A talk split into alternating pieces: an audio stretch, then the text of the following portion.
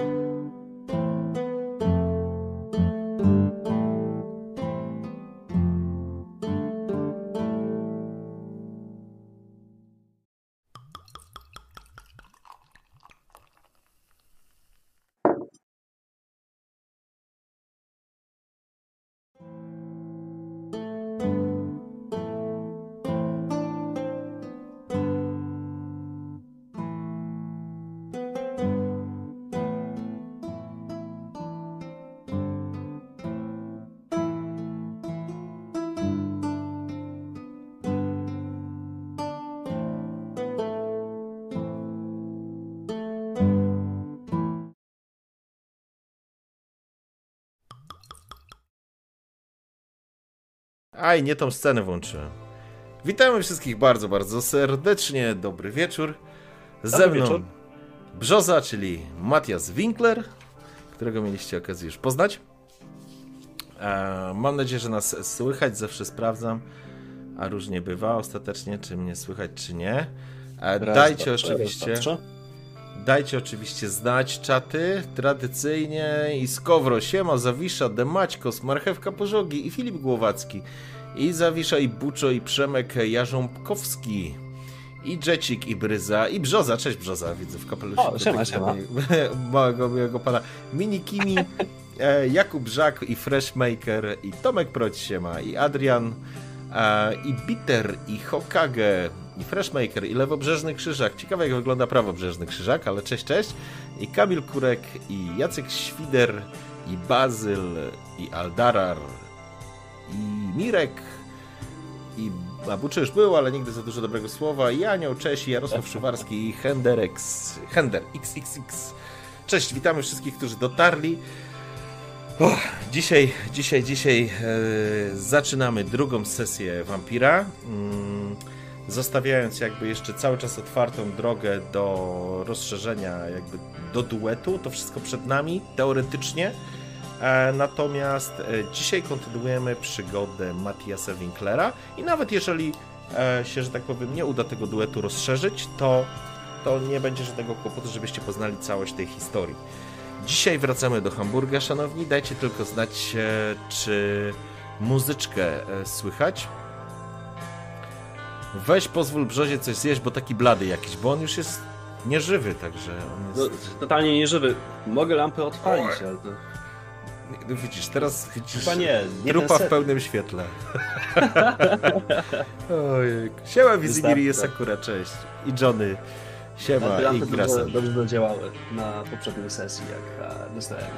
Ja chyba muszę cię trochę podbić. Tak raz, dwa, trzy, raz, dwa, trzy. Aj, aj, nie to. O, tak to miało być. Dobra, muzyczka słychać, głośność w porządku. Także słychać, ale może o kilka... E, Łukasz, ale co, muza? Muza za głośno? Jeżeli za głośno, to ja trochę ją ściszę. No jest bardzo głośno, wiesz, ja odpaliłem sobie na totalne minimum, jak tylko się dało. Okej, okay. ja teraz sobie ją też ściszyłem. Dajcie znać. Powinno być ok. E, powiedz proszę, że Brzoza gra Nosferatu. Nie, nie gra Nosferatu, ale nie poznał już jednego. pozwolenia. Ale tak, tak. Nie, bo sobie wymyślił już od razu, będzie grał jakimś tam 500-letnim Nosferatem. Także nie, nie. Nie no, wiesz, mogę mieć 50, ale nie, nie dostałem zgody na Nosfera. A to było moje pierwsze pytanie. Eee. Niestety nie. O właśnie, kurczę. Ej, ponieważ słuchajcie, oczywiście, ponieważ jest to... Yy sesja, słuchajcie. Jest to, yy, o, sesja, słuchajcie. Zaraz będzie jazda, okej. Okay. Tak, oczywiście, kochani, ponieważ jest to sesja już normalna, że tak powiem, czyli to już nie jest e, wprowadzenie, to jak najbardziej robimy e, losowanie, nie losowanie, tylko głosowanie. To znaczy, Brzoza, muszę Cię poinformować, bo przepraszam, powinienem Tobie Aha. to najpierw powiedzieć. Jest taka e, tradycja, że tak powiem, e, tutaj świecka, że czaty głosują, czy bohater ma szczęście, czy ma pecha, czy mu sprzyja los, czy mu nie sprzyja na danej sesji. Jest to sytuacja, w której czat głosuje e, i efekt tego głosowania ja wykorzystuję podczas sesji. W dowolnym dla siebie momencie ja decyduję, czy masz szczęście, czy masz pecha. Pytanie, czy e, dla ciebie jest to ok. No, musi być, jeśli takie są zasady. Tylko okay. ja widziałem dzisiaj, widziałem dzisiaj film na Twoim kanale o sesji Zero. Aha. I tam, że, tam pierwsze co powiedziałeś to to, że mistrz gry i gracze muszą powiedzieć sobie o wszystkich rzeczach, dogadać się. Tak, ale przed, rozpoczę... przed rozpoczęciem, a nie ustawiać cię w, zmanipulowanego biednego pod, wiesz, e, pod czatem, który tylko czeka na informację, że nie, nie chcę waszego głosowania, nie? Oczywiście, nie, nie, to manipula, ale oczywiście, oczywiście, słuchajcie, zwróćcie uwagę, to należy się, że tak Brzozie w ramach tej sesji e, jakiś bonus. E, więc e, Hender, ty chyba, Hender? Nie, to Hurin robił. E, chyba, że. A Jecik, czy ty jesteś? E, albo dobra, to wiecie co? Ja nie wiem, czy kto, czy kto jest. To ja odpalę po prostu tą e, ankietę. Mam jeszcze pytanko do ciebie, Karczmarzu, w takim razie. Dobra. Czy kiedykolwiek czat zagłosował na szczęście? Tak, tak zdawało tak? się. Tak? Jet, odpalisz to? Tą ankietę? Weź odpal tą ankietę. Jeżeli, jeżeli nie umiesz, to ja to odpalę, bo wcześniej to chyba robił Hurin, jak dobrze pamiętam. albo ja tylko Egon. chciałbym od siebie dodać, jeśli mogę, moi mili. Możesz. E, ja zostałem potraktowany już przez los i życie bardzo, ale to bardzo ciężko. Nie wiem, czy pamiętacie, ale w zeszłym tygodniu, a dokładnie 8 dni temu, e, zmarła moja mentorka, moja matka. E, I do tej pory nie byłem w stanie się mm, zebrać po tym. Całość. I aż mi telefon zadzwonił, ale już został przyciszony wszystko dla was, widzowie. Tak więc weźcie pod uwagę, proszę. Tak. że chcę proszę ci zagrać jeszcze kilka razy. E, przypominam również e, szanownym widzom, że ten sam człowiek rok temu rozpoczął historię w Wuhan, a później widzieliście, co się wydarzyło na świecie. Ojejku, pech. Nie, nie, oczywiście to pomówienia. Szczęście. Proste pytanie, pech, szczęście. E, głosujecie. Możecie głosować przez 10 minut i kufelkami, i zwykłymi głosami, i bitsami. Grób to co chce, ta rozpoczynam ankietę. Poszło. Także mamy to. Dobrze. Y A, mogę zagłosować też? Możesz, oczywiście, możesz, możesz. Masz prawo zagłosować. E, I, I, teraz prośba do ciebie, e, Brzoza. Proszę cię, weź e, w kilku słowach opowiedz, co się wydarzyło co się wydarzyło na ostatniej sesji? Jakbyś miał podsumować? To tak, mam 35 lat i nazywam się Matthias e, Winkler. E, prowadziłem dosyć szare życie, to znaczy całkiem nieźle szło, jakby skończyłem studia. Rodzina w porządku, tylko troszkę zbyt wierząca i ciężko się z nim było porozumieć. E, poznałem natomiast e, w czasie jeszcze szkolnictwa przepiękną kobietę, mm, z którą wiodłem całkiem, całkiem szczęśliwe życie. E, wszystko można byłoby powiedzieć, że byłoby idealne, gdyby nie jakby mój taki delikatny problem, taka moja przywara, e, która się pojawiła i niestety rozwinęła się do dosyć sporych rozmiarów, a mianowicie mówimy tutaj o hazardzie. No ale no cóż, no, każdy jest człowiekiem, ale trzeba by na pewno człowiekiem w tym momencie. Na poprzedniej sesji, jeśli oglądaliście bądź nie, zdarzyło, zdarzył się dosyć e, niefortunny wypadek, a mianowicie poznałem kobietę. Kobietę e, o imieniu Vera, a jak się okazało o nazwisku Sonnenstrahl. A nazwisko to tak jeden do jednego, całkiem przypadkiem oczywiście, pasuje do nazwy korporacji ubezpieczeniowej, w której byłem zatrudniony bodajże ponad 10 lat. Mm, zjadłem zęby na tym zawodzie, na sprzedaży ubezpieczeń i zabezpieczeń, szeroko mówiąc. E, poznałem Werę, zostałem zaproszony na kolację, która była niesamowita. Nie pamiętam do końca, co jadłem, ale to była jakaś ryba z boczkiem chyba, prawda Marcinia? E, Flądra. Flądra. Tak? Flądra z boczkiem. Flądra z boczkiem. Nomen omen to prawdziwe danie, polecam. Polecam spróbować. E, niedługo potem, e, a właśnie, czemu się spotkaliśmy? Ze względu na to, że dobiłem niesamowitego trade'a, to znaczy sprzedaż doszła e, do skutku, ubezpieczyliśmy kogoś na kilka milionów euro, tak więc cudownie, to znaczy kogoś bądź jakąś, jakąś korporację, już szczerze do końca nie pamiętam. To była e... korporacyjne, tak, to był korporacyjny klient, pan Ferguson. Dziękuję Ci pięknie.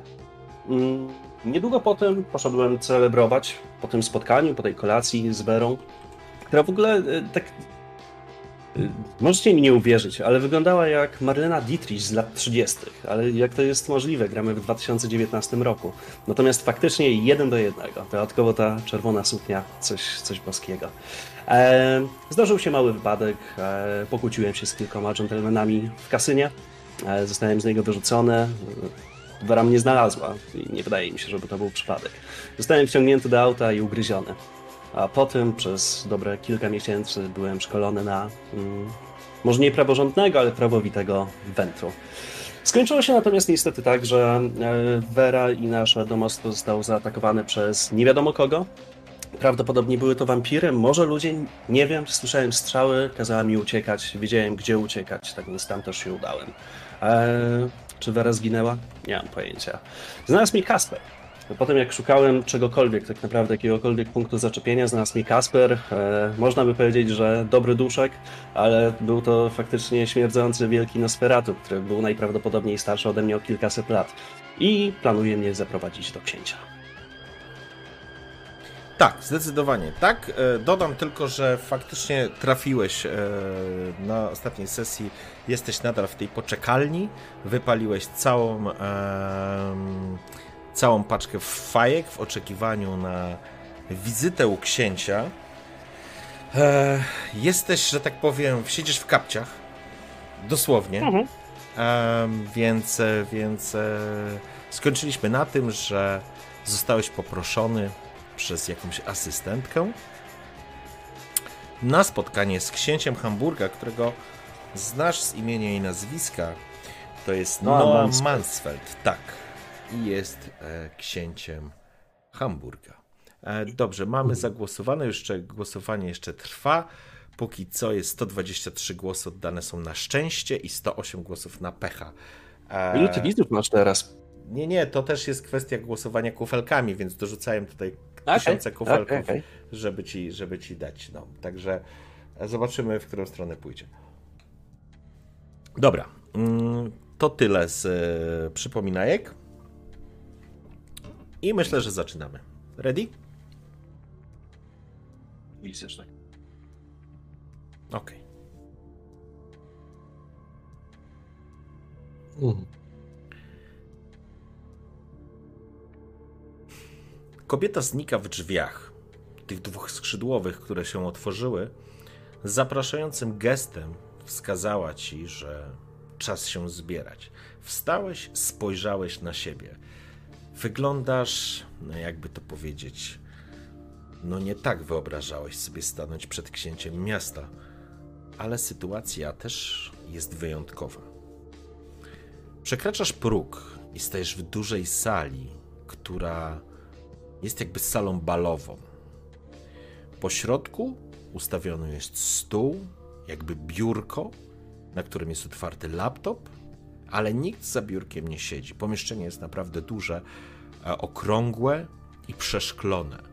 Teraz orientujesz się, że jesteś na jednym z najwyższych pięter najnowszej budowli Hamburga, z której jest niezwykle miasto dumne, chociaż plotki o tym, w jaki sposób powstawała Wielka Filharmonia w Hamburgu, ciągną się nieskończoną liczbą, e, ciągną się za nią nieskończona liczba plotek o tym, ile to było malwersacji, strat i tak dalej. Potężny gmach stoi w, port, w porcie i jakby cały kształt, zwłaszcza górna jej część, dach jest ukształtowany jakby na fale rzeki, która przepływa przez Hamburg i jest jego źródłem dostatku, ale również symbolem, czyli Elby. Samo pomieszczenie, tak jak powiedziałem, jest ogromne. Dostrzegasz, że ściany są przeszklone. Przy na jednym z końców e, tej sali dostrzegasz, że są rozłożone takie jakby marmurowe donice. Tylko, że one są takie podłużne, jakby koryta, i widzisz w nich faktycznie ziemię, i widzisz na nich rozkwitające kwiaty, takie kwitnące, a bardzo intensywnie pachnące. Przepraszam. I one są w białym kolorze. Nad nimi pochyla się mężczyzna, który wygląda dosyć specyficznie, bo z tej odległości dostrzegasz, że ma na sobie jakiś garniak, a ściągniętą ma marynarkę, teraz dostrzegasz, że ona wisi na oparciu krzesła, ma białą koszulę, podwinięte rękawy i na to ma narzucony fartuch ogrodniczy. Mężczyzna pochyla się nad kwiatami, układając coś. Obraca się, dostrzegasz białego gościa w sile wieku, powiedziałbym w ten sposób. Czarne, upstrzone pasmami siwizny włosy, nienagannie przycięta broda, twarz, no powiedziałbym, majestatyczna. Tak, zdecydowanie widać że jest to człowiek, czy wampir, czy istota nawykła do rządzenia. Ale jego twarz spogląda, jego oczy bystre spoglądają się na ciebie, wydawałoby się z takim cieniem uprzejmości. Może to błąd, może to nieprawda, ale faktycznie e, tak wygląda. Otrzepuje dłonie z ziemi Matthias Winkler. Panie Noamans, Wasza Wysokość, ekscel... Gości książę. Może nie wierzę, że tyle miesięcy przygotowania. Nie zdążyliśmy, nie zdążyłem zapytać, jak jak powinienem się przywitać. Nazywam się Matias Winkler, e, książę. I przepraszam, że w ten sposób staję przed tobą. I słusznie, że przepraszasz. Jesteś wętru, a wyglądasz jak jakiś łachmaniarz. Dlaczego w ten sposób przybyłeś do mnie na audiencję? I gdzie jest Vera? I plotki nie dotarły tu jeszcze. E, zostaliśmy zaatakowani. Przeprowadził mnie Kasper. Nawet nie wiem, kim jest Kasper, ale znalazł mnie i powiedział, że przeprowadzi. Spogląda się na ciebie z zaciekawieniem. Co to znaczy, że zostaliśmy zaatakowani? Jakim cudem ty tutaj dotarłeś? Kasper? Szczur, Nosferatu. Znam go. Jak cię odnalazł? Opowiadaj mi natychmiast wszystko. Niczego nie pomijaj. Normalny wieczór. Czytaliśmy ksiąg- księgi. Vera mówiła mi, czego robi, co robić, czego nie robić. I. Przepraszam, przepraszam. To wiem, że to jest świństwo, co robię, ale powiem ci, że jest 50 na 50, z czego 152 głosy są oddane na szczęście, a 151 na pecha. Wygrałeś jednym głosem. Jednym Łatwiutko. głosem. E, nie wiem, kto dał ten jeden głos. E, o nie, Kaszmarzu, ja oddałem jeden głos. No widzisz, Anioł przekazał 7,5 pół tysiąca punktów kanału i z tego co wiem pisał wszystko na pecha i jeden głos zaważył, że, że, że będziesz miał, panie, szczęście dzisiejszej sesji. E, tak, tak, takich rzeczy nie, nie jest nie szkoda jego punktów, naprawdę. Ojejku, fajnie, to fajnie. Jeszcze tak nie było, to jak jeszcze nie było. Wybornie. Ale dziękuję wszystkim, którzy głosowali na szczęście. Na pecha oczywiście też, bo liczy się zabawa. Ale panie Aniele, nie znamy się i może to dobrze. Okej, okay, wracajmy. Czyli masz szczęście. Będziesz miał szczęście w dzisiejszej sesji. Okej. Okay. Wieczór, wieczór jak wieczór i nagle usłyszeliśmy bicie w drzwi. Wpadło kilku mężczyzn. Nie miałem pojęcia, co się dzieje. Vera wyskoczyła szybko zobaczyć, o co chodzi i kazała mi uciekać. I kazała mi uciekać tak, że nie mogłem nie uciekać. To jest jeden z pierwszych razów, kiedy tak naprawdę nie miałem siły się sprzeciwić temu, co faktycznie powiedziała. Zawsze dała mi możliwość podjęcia wyboru, jakby mnie testowała, ale nie tym razem. Teraz musiałem po prostu uciekać. Wcześniej dała mi tę kartę i wyciągam kartę. I w tym momencie, jak ją wyciągam, minimalnie za mocno ją łapię w ręce, łamiąc ją delikatnie. Może, przepraszam. To była moja jedyna rzecz, która tak naprawdę mnie tutaj doprowadziła do księcia. Wszedłem do safe roomu. Tam był pinpad. Ja miałem tylko to w ręce. Słyszałem krzyki, więcej krzyków, strzały. Wydaje mi się, że Vera zginęła, ale zginęła tak naprawdę. Jedyne co mogłem zrobić, to użyć karty na pinpadzie, otworzyły się kolejne drzwi i uciekałem przez miasto. Ale wiedząc po kilku godzinach, że nie wiem gdzie iść, nikogo nie znam, nie wiem gdzie się po... E, gdzie zmierzać, e, wróciłem na miejsce, bardzo po cichu, uważając patrząc cały czas przez ramię i nagle za to ramię zwołał mnie Kasper. Ten, przepraszam, że powiem tak, ale szczur, o którym mówiłeś. Książę. Cała historia. No a wyciera ręce w fartuch, odpinając go. Spogląda się jakby w, gdzieś w dal, podchodzi do biurka, wciska przycisk na, na, na takim panelu. Chloe, podejdź proszę. Nie zwlekaj. Dosłownie chwilę później z wewnętrzne drzwi, które są w drugiej stronie, z drugiej strony pomieszczenia, otwierają się i wchodzi kobieta, która, której wcześniej nie widziałeś. Ubrana jest w w, w, w, w taki bordowo, bordowy kostium ze złotymi e, ozdobami, wysokie spodnie z wysokim stanem przepięte, mm, podkreślającym jej fantastyczną figurę. E, pasem szerokim, opartym na biodra. Cały kostium kończy się oczywiście górą, bardzo dużym dekoltem. Kobieta jest przepiękna twoja matka, Vera, jak ją pamiętasz w tej restauracji, zrobiła na tobie piorunujące wrażenie.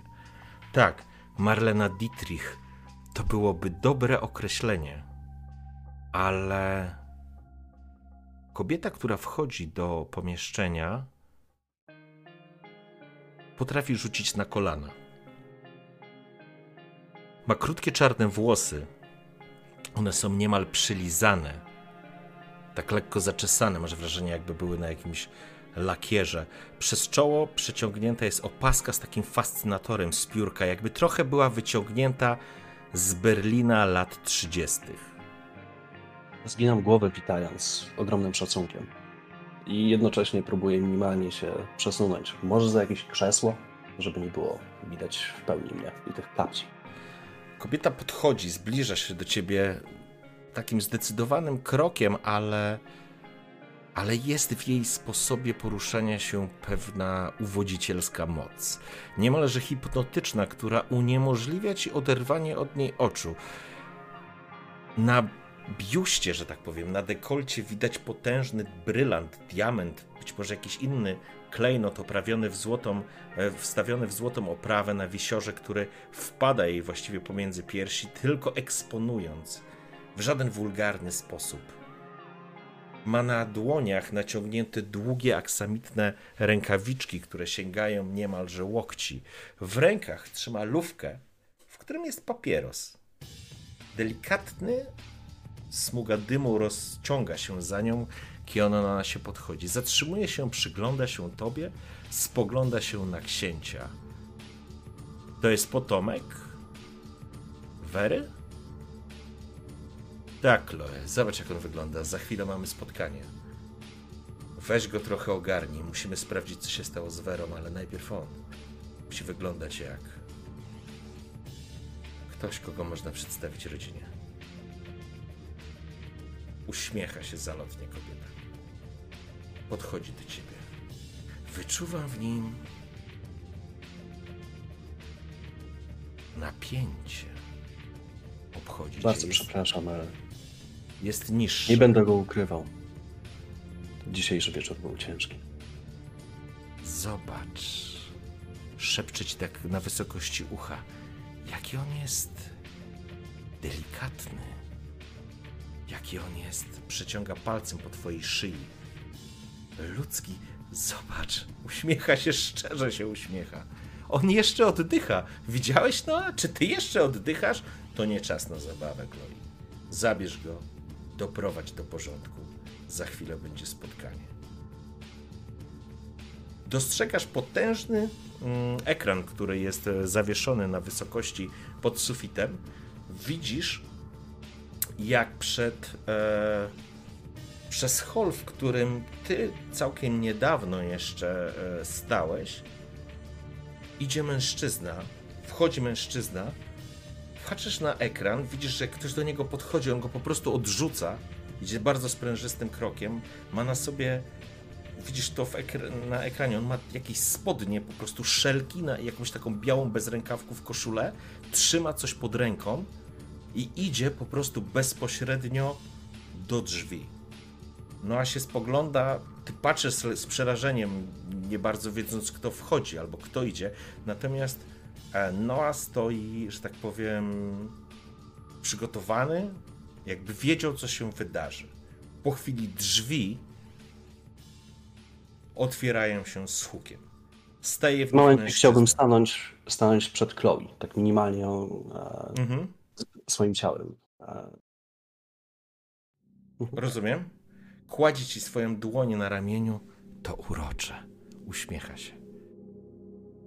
Przed tobą w drzwiach staje mężczyzna, tak jak powiedziałem, w ciężkich spodniach skórzanych, rozwiązanych wysokich buciorach, ma szeroki pas, klamrę i wrzucone w spodnie białą, taką zwykłą bawełnianą koszulkę. Potężne ramiona a są wytatuowane. Włosy są rude, zaczesane do tyłu i jest broda. To, co od razu zwraca Twoją uwagę, dostrzegasz, że jego wąsy są zawinięte lekko do góry, tak czubkami do góry. Masz wrażenie, że coś ci to przypomina. Nie jesteś w stanie jeszcze wyłapać co. Ale mężczyzna, i teraz widzisz, trzyma w rękach głowę i rzuca ją po, po ziemi. Ona się zaczyna toczyć. Co to kurwa jest, Noa? Noa spogląda się na, na niego, nie unosząc się. Uwe. Witaj. Co to kurwa jest? Co się dzieje w tym pierdolonym mieście? Co żeś tu przyniósł? To mój towarzysz. To, co z niego kurwa zostało. Co tu się odpierdala? Co ty żeś znowu wymyślił? Nie tym tonem. Mówisz do księcia. Pierdolę to. Zobacz, co tu się stało. Wiesz, kto to jest? Zwrócisz mu życie? No a spogląda się na Chloe.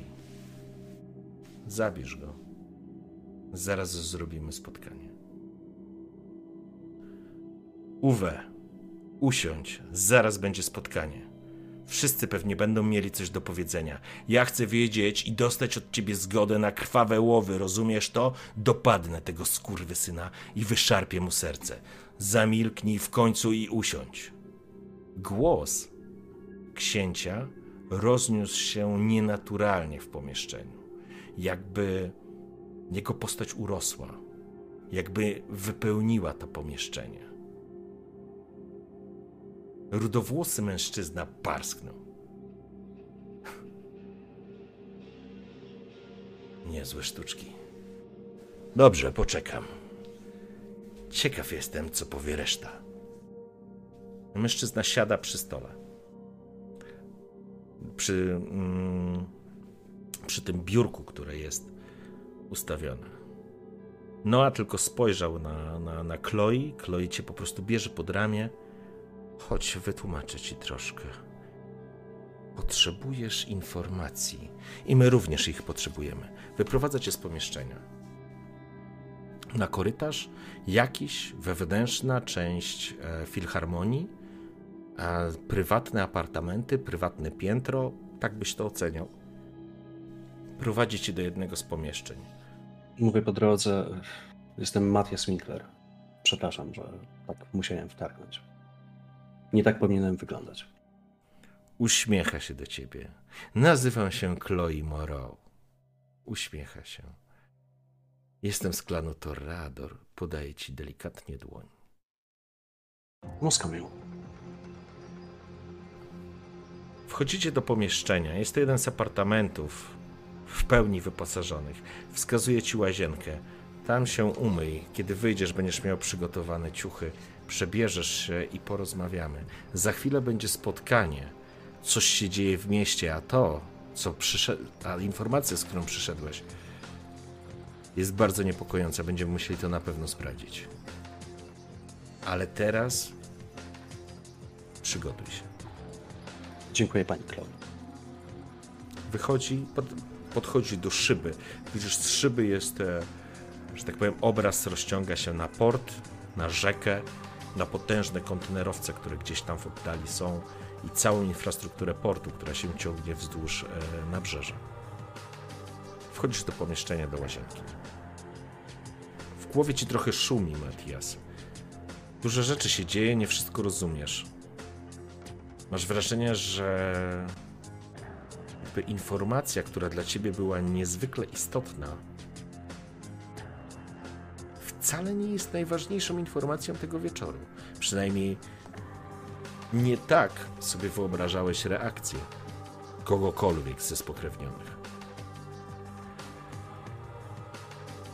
Myślę sobie tylko, co kurwa za rodzina. I próbuję doprowadzić się do ładu. Okej. Okay. Mija chwila. Bierzesz szybki prysznic, myjesz się, bo faktycznie wyglądasz e, dosyć e, no niewyjściowo. Ale zajęło ci to chwilę. Kiedy wyszedłeś, e, Chloe stała w tym samym miejscu, patrząc gdzieś tam w port. W ogóle się na ciebie nie obraca. wygląda fantastycznie, ale to już wiesz. Odchodzisz, bierzesz ciuchy. Są, jest to jakiś garnitur. Pytam jeszcze, że teraz pytam, ale czy jakieś nowe informacje się pojawiły przez tą krótką chwilę? Wiadomo co z Berą? To trzeba będzie sprawdzić, Matiasie, i myślę, że ty tam pojedziesz. Teraz zaczyna się robić kłopot w naszym mieście, bo Brudżach przyszedł z głową swojego przyjaciela, a Ube, Uwe nie jest człowiekiem, nie jest wampirem, który lekko odpuszcza. Zaraz będziesz miał okazję poznać resztę rodziny, resztę spokrewnionych. Obraca się do ciebie. Stoisz taki, wiesz, z przepasanym ręcznikiem. Coś w tobie jest, Matiasie. Co ona w tobie widziała?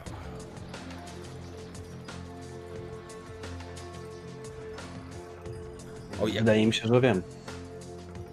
Krew. Tą samą krew. Pochodzenie. To długa historia. Jak się okazało, całe, całe moje życie to chyba jednak nie był jeden wielki zbieg losowych wydarzeń. To ciekawe. Musisz mi o tym opowiedzieć. Jestem twoją przyjaciółką, ufaj mi we wszystkim. Zaciąga się papierosem. Jestem prawą ręką księcia. I chętnie ci pomogę, bo wymagasz teraz pomocy, zwłaszcza jeśli faktycznie w Werze coś złego się stało. Będziemy potrzebować na to dowodów. Rodzina będzie potrzebować na to dowodów, a jesteśmy w bardzo niewygodnej sytuacji. A teraz się ubieraj. Część osób już dotarła. A przed tobą leży garnitur. Jak wygląda? Jest na pewno z najwyższej półki, więc możesz sobie wymyślić, jak to wygląda. Mm, najprostszy, czarny, e, szara koszula bez krawata. Co jest, jakie są twoje kolory ulubione? Kolor, kolory? E, osobiście czy postaci? Postaci oczywiście. postaci. Niech będzie czarny. Przywykłem do tych czarnych garniturów w korporacji. W porządku. A tak będzie. Kobieta pali, tam, e, pali z tej lufki tego papierosa. Jeszcze się pytam, Chloe, co właściwie się dzieje? Co to za spotkanie? Spotkanie rodziny, głowy klanów, ale już zostało zakłócone i bynajmniej nie tylko Twoją wizytą. Miałeś zostać przedstawiony. To długa historia. Nie wiem, czy ona Cię przygotowała. Biedna Vera. Dałbyś sobie rękę uciąć i drugą nogę. Że ta biedna Vera zabrzmiała fałszywie.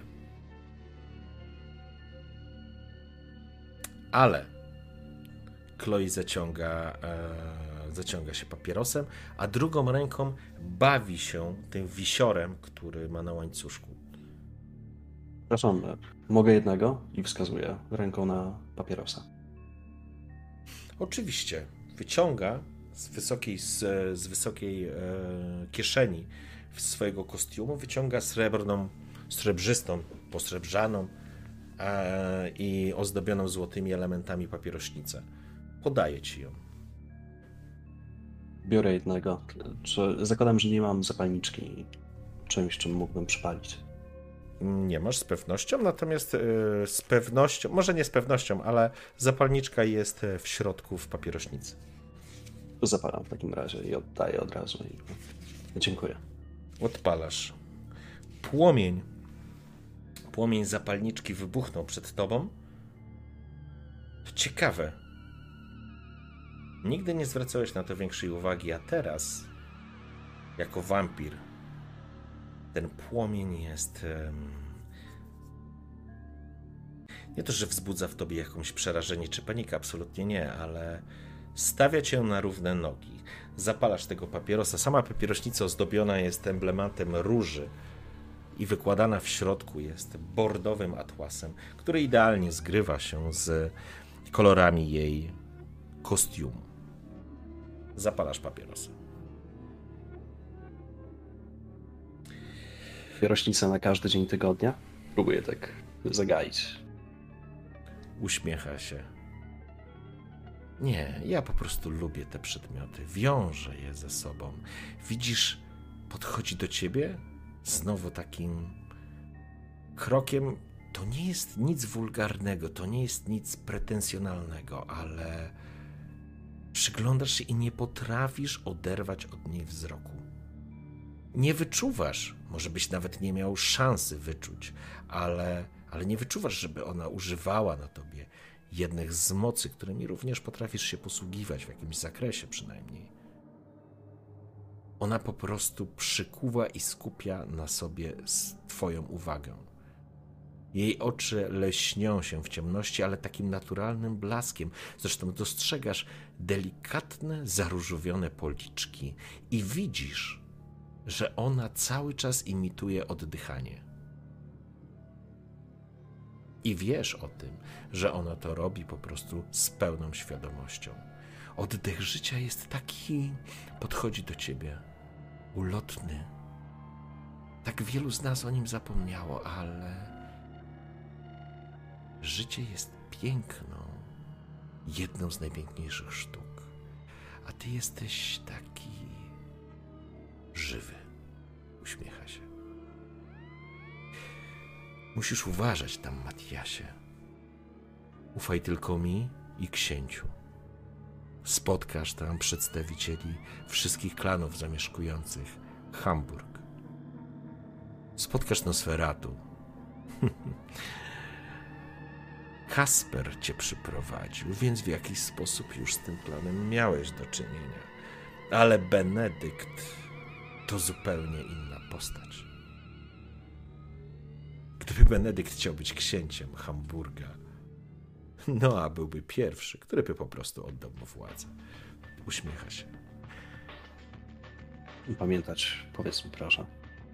Niby się przygotowywałem, ale czuję się taki nieprzygotowany. To ważne, wystąpisz jako świadek. Będziesz musiał zaświadczyć przed nimi wydarzenia dzisiejszej nocy. Najwyraźniej nie tylko ty miałeś problem. Nie wierzę w zbiegi okoliczności. Za stara już na to jestem. Uśmiecha się teraz figlarnie. Tak, żebyś zauważył, że figlarnie to robi. Jestem w stanie wyczuć, o ile starsza ode mnie jest. Około. Czy jest jak Vera? Jak Kasper? Czy jestem w stanie jakkolwiek to Wiesz co? Y, jej manieryzmy, jej sposób zachowania na pewno sugeruje, że jest osobą starszą, czy spokrewnioną, starszą, ale nie jesteś w stanie określić jak bardzo. To nie jest informacja, którą jesteś w stanie wyczuć. Możesz oczywiście mieć takie podejrzenia, jak w przypadku Kaspra, że jest starsza, ale nie jesteś w stanie określić, mm, jaka jest różnica między wami. Dobrze. E, będzie również ta suka. Niech cię nie zwiedzie jej niewinny wygląd. Ta suka z tremerów. Gretchen. Uważaj na nią. Na wszystko, co powie. I na wszystko, czego będzie chciała od ciebie się dowiedzieć. To mała kurewka i chce naszego nieszczęścia. Uwe poznałeś. W gruncie rzeczy to wielki awanturnik i przysparza wiele kłopotów, ale nie jest tak niebezpieczny jak Gretchen. Jego motywacje są dosyć jasne i przejrzyste, ale przez to wydaje się być przewidywalny, ale to brudziach. Oni nigdy do końca nie są przewidywalni. Zwłaszcza jak odbije im szał. A jeśli mowa o chaosie, uśmiecha się i obchodzi cię. Będzie również Trinitat. Tak. Malkawian. To jest Malkawia. Ciekawa postać. Chyba nawet sam do końca nie wiesz, że jest traktowany jako głowa rodu Malkawian w Hamburgu. Zresztą wszystko będzie zależne, z którą z osobowości tego Malkawiana będziesz akurat rozmawiał. Poza nami będzie również Keira z Gangrelu. To nasza sojuszniczka. To pies na naszej smyczy. Za chwilę będziesz musiał zaświadczyć o tym, co się wydarzyło w domu. Ciekawa jestem, jak sobie poradzisz. Jak przygotowała cię Vera?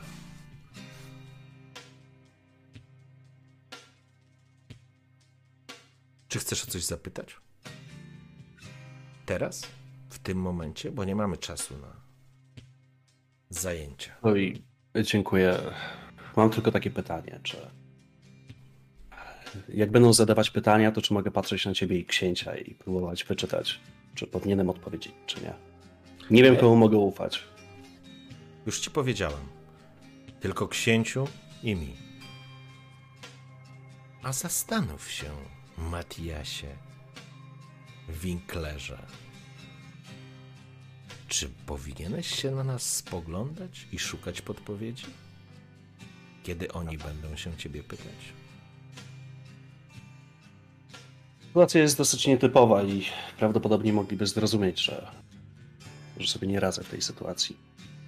Ale nie wiem, czy warto aż tak grać. Bądź Dziękuję sobą. Bądź sobą, Matiasie. To coś przekonało Werę. Przekona również ich.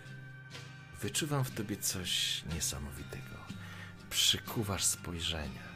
Pamiętaj, uśmiecha się tak, jakby doskonale rozumiała, o czym mówi. To ma swoje plusy. Ale nie przesadzę, bo od miłości pochyla się do ciebie. Do nienawiści jest tylko jeden krok. Chodźmy. Gaszę tego papierosa. I idę za nią. Ona Boję się jeszcze tylko poprawić, czy dobrze wszystko leży na mnie. Nie masz krawata, więc ona nie, nie, nie poprawiała ci tego krawata, ale spojrzała, uśmiechając się, wzięła cię pod rękę i wyszliście razem e, z tego pomieszczenia. Wracacie dokładnie tym samym e, korytarzem, z którego wyszliście. Kiedy otwierają się drzwi i wchodzisz z powrotem na tą salę, widzisz, że na środku znajduje się szklany stół na takich kołach, więc e, po prostu ruchomy. Więc najprawdopodobniej został tutaj sprowadzony. Dostrzegasz przy nim krzesła i siedzące osoby, a i zaczynasz dostrzegać postaci, które, które znajdują się w tym pomieszczeniu. Noa Mansfelda już miałeś okazję widzieć. Teraz ma na sobie marynarkę, a nie ma na sobie tego ogrodniczego stroju. Jego spojrzenie jest skupione i jest, że tak powiem, teraz prowadzi jakąś rozmowę z chyba z tak, z jakąś kobietą, która stoi obok niego. W ogóle wygląda jakby była najemniczką, jakby była wyciągnięta z, z jakiegoś paramilitarnego obozu. Ubrana jest w bojówki, haki, wysokie wojskowe buty związane, szeroki pas, na to jakaś taka jasna, e, popielata koszulka. Przerzucone ma przez tą koszulkę nieśmiertelniki, które wiszą na wysokości jej e, biustu, ale w odróżnieniu od tego, jak nosi się e, Chloe, ta osoba, jakby absolutnie nie zwraca na to uwagi, zresztą nie ma żadnego dekoltu. To jest zwyczajny taki podkoszulek z długimi rękawami. Krótkie włosy, które spięte są w warkoczyki, przylegają mocno do skóry. Kolor tej skóry jest lekko śniady, a oczy i brwi bardzo wyraźnie zarysowane. Stoi obok księcia i ma przewieszone przez ramię skórzany płaszcz. Natychmiast, kiedy tylko weszliście, natychmiast staksowała cię wzrokiem i staksowała wzrokiem oczywiście Chloe, jakby analizując kto wszedł. Po czym zwróciła się od razu w stronę księcia i dalej skontynuowała z nim rozmowę. Wasze wejście, które teraz sobie uświadamiasz, jest ewidentnie wyreżyserowane. Chloe wiedziała, kiedy wejść i jak wejść, żeby zwrócić uwagę wszystkich. Każdy z nich tą uwagę wobec ciebie w różny sposób pokazuje, ale nie sposób, żebyś ty jej nie zauważył.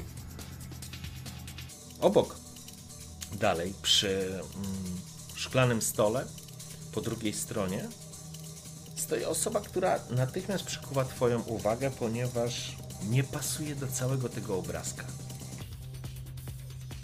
Przed tobą stoi jakaś, przed tobą, na, na tej sali, wy po prostu cały czas idziecie, ja staram się opisywać na bieżąco, ponieważ jest trochę tych postaci, więc to trochę potrwa, więc musisz, e, że tak powiem, dać mi troszkę czasu.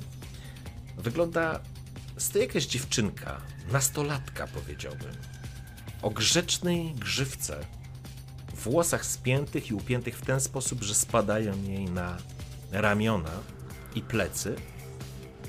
W rękach trzyma białego króliczka i go głaszcze. Jest ubrana jak taka studentka z dobrej szkoły. Plisowana e, spódniczka, e, czarna w kratę, do tego ciemne rajstopy, ciemne lakierki, biała koszula z kołnierzykiem, pod którym jest kokarda, też taką kratę, która spasowuje się z splisowaną spódniczką. I na to wrzucony jest sweterek. Spogląda się na ciebie wielkimi, zielonymi oczyma. Uśmiecha się delikatnie i głaszcze tego króliczka po uszach. Taka, wiesz, puszysta biała miniaturka. Wiesz, jak te króliczki wyglądają. To Gretchen. Uśmiecha się cały czas, patrząc gdzieś w dal, po drodze. Um, Chloe. Uważaj na nią. Następnie dostrzegasz Uwe Blika, tego, którego już e, wcześniej widziałeś. Mężczyznę, który stoi gdzieś przy szybie, obrócony plecami, a wygląda już teraz wiesz, czym ci się kojarzy. Ten zaciągnięty wąsik, ta cała jego postawa kojarzy ci się z takimi irlandzkimi i angielskimi pięściarzami z początku wieku. Trochę tak wygląda.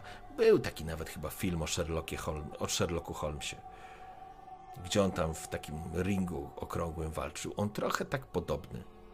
Podobny jest e, do jednego z tych, e, z tych ludzi.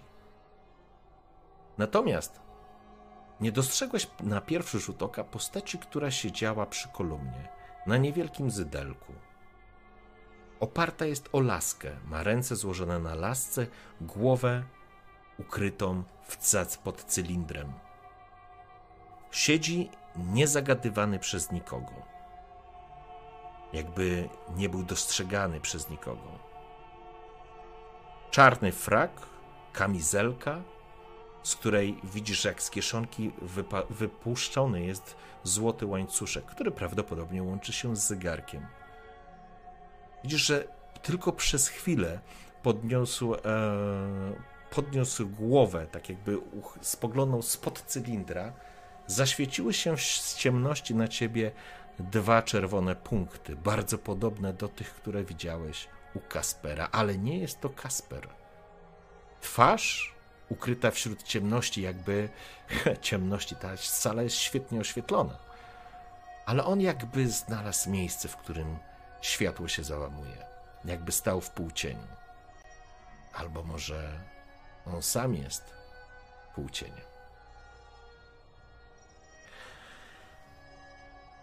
Ostatnią osobą, którą widzisz, która właśnie radosnym krokiem wchodzi, jest niepozorny mężczyzna, który wygląda dosyć młodo, jest ubrany.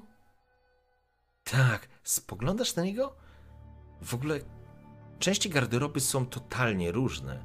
Ma na sobie krótką spódniczkę mini, wysokiego jednego kozaka, z drugiej strony Adidasa, ma na sobie jakąś koszulkę, ma wrzuconą na sobie jeszcze jakąś kurtkę, czapeczkę, okulary, uśmiecha się, idzie takim wesołym krokiem.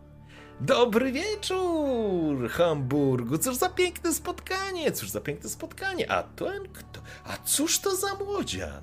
Cóż to za młodzian? Podchodzi idzie w waszą stronę. Chloe zwróciła, zdążyła tylko ci powiedzieć, że jest to Trinitat. Malkawian. Mówię teraz, mości książę, tylko na chwilkę się odwracam od Malkawianina. Mhm. E, pani Greczen i spoglądam odpowiednią postać, e, pani Cairo. E, panie Trinitat, i teraz odwracam się do niego. Panie Uwe i panie Benedykcie. Jestem Matthias Winkler i nie powinno mnie tu być. Nie jestem godny, żeby tu przebywać, za co bardzo przepraszam. Zostałem natomiast zaproszony przez mości księcia, bo wydarzyła się tragedia. I patrząc, że podchodzi do mnie Trinitat, uśmiecham się do niego. Przynajmniej staram się uśmiechnąć, mhm. biorąc pod uwagę powagę sytuacji. I kiwam mu głową i odwracam się do księcia. A twoje słowa wybrzmiały, jakby zawisły w powietrzu. Natychmiast przykuły uwagę wszystkich. Książę spojrzał się na ciebie. Zresztą wszyscy się spojrzeli na ciebie. Benedykt, oparty o filar przy na takim niewielkim krzesełku, dostrzegasz jego twarz jest totalnie zdeformowana. Wygląda obrzydliwie. Kasper przy nim to mis, mister Niemiec. Masz wrażenie, że jego wargi się zapadły, rozpadły, jakby nos uległ zniekształceniu, a właściwie niemalże zanikowi. Masz wrażenie, że kości wynik, wy, wychylają się, a jego kły i zęby, czy właściwie szczęki, są widoczne, tak jakby nie było niczego, co by miało je ukryć, jakby nie miał ust. Oliwkowa skóra, wyciągnięte uszy i zakrzywione, skośne oczy, w których palą się dwa czerwone punkty. Benedykcie, odzywa się Chloe. Tyle razy cię prosiłam. Przecież możesz wyglądać inaczej, prawda? Benedykt wstaje, poprawia cylinder. Wybacz, że ranie. Twoje poczucie estetyki opiękna. Ale ja, w przeciwieństwie do was wszystkich, nie ukrywam, kim jestem.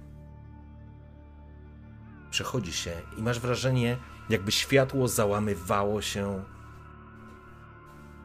za nim. No proszę, co tu się kurwa dzieje? Mówi Uwe. Czy coś się wydarzyło? Mości książę, co się tu dzieje? Chyba książę, odzywa się Gretchen, głaszcząc królika. Nie odrywa od ciebie wzroku, a mówi do księcia. Chyba książę ma pewien problem z utrzymywaniem porządku w swoim mieście. To niezwykle intrygujące, obraca się na niego. Czyżbyśmy mieli kryzysową sytuację, książę? Czy są procedury na to, które pozwolą nam wszystkim przetrwać i poczuć się bezpiecznie? O czym ty mówisz, Gretchen? Odzywa się do niego, do niej Noa. O tym, że chyba w mieście nie ma porządku i biedny Uwe stracił przyjaciela. Prawda, Uwe? To był twój przyjaciel. Sam um, Brudżach spojrzał na nią. Nie wyczułeś tam jakiegoś takiego wsparcia. Ale się zgodził.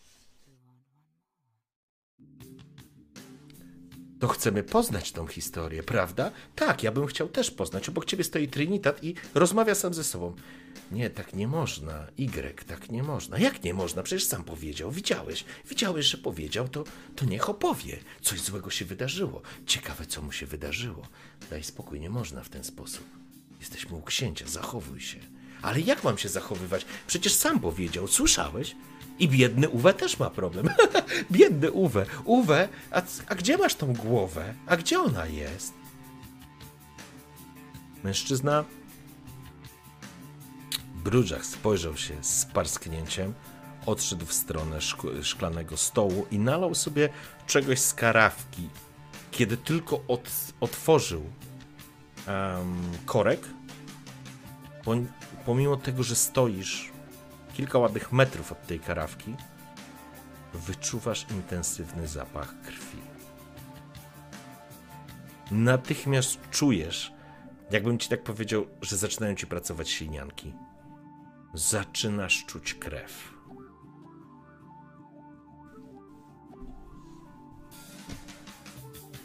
Dobrze. Zebraliśmy się tutaj nie po to, żeby jak zwykle się kłócić. Uwe, uspokój się i spróbujmy do czegoś dojść. Jak widać, wszyscy będziemy mieli jakiś problem. Chyba nie wszyscy odzywa się Gretchen głaszcząc króliczka. My, książę, mamy procedury na każdą ewentualność. My rozwiązujemy nasze problemy sami, pod warunkiem, że nam się nie przeszkadza. Pierdolę wasze procedury. Mój kumpel zginął. Ja chcę rozpierdolić tego kogoś, kto, to, kto za tym stoi. Rozumiemy się? W dupie mam wasze procedury, Gretchen. Obok księcia pojawia się postać Keiry, gangrelki. Zamknij mordę. Mówisz do księcia. I daj młodemu powiedzieć, co się wydarzyło. Bruczach zaciska pazury, widzisz, że zaciska pięści na szklanym stole i słyszysz nieprzyjemny pisk, jak szpony czy pazury zaczynają drzeć szklany, a, szklaną, wiesz, szklany stół. Mówię teraz, pani Uwe, moje kondolencje.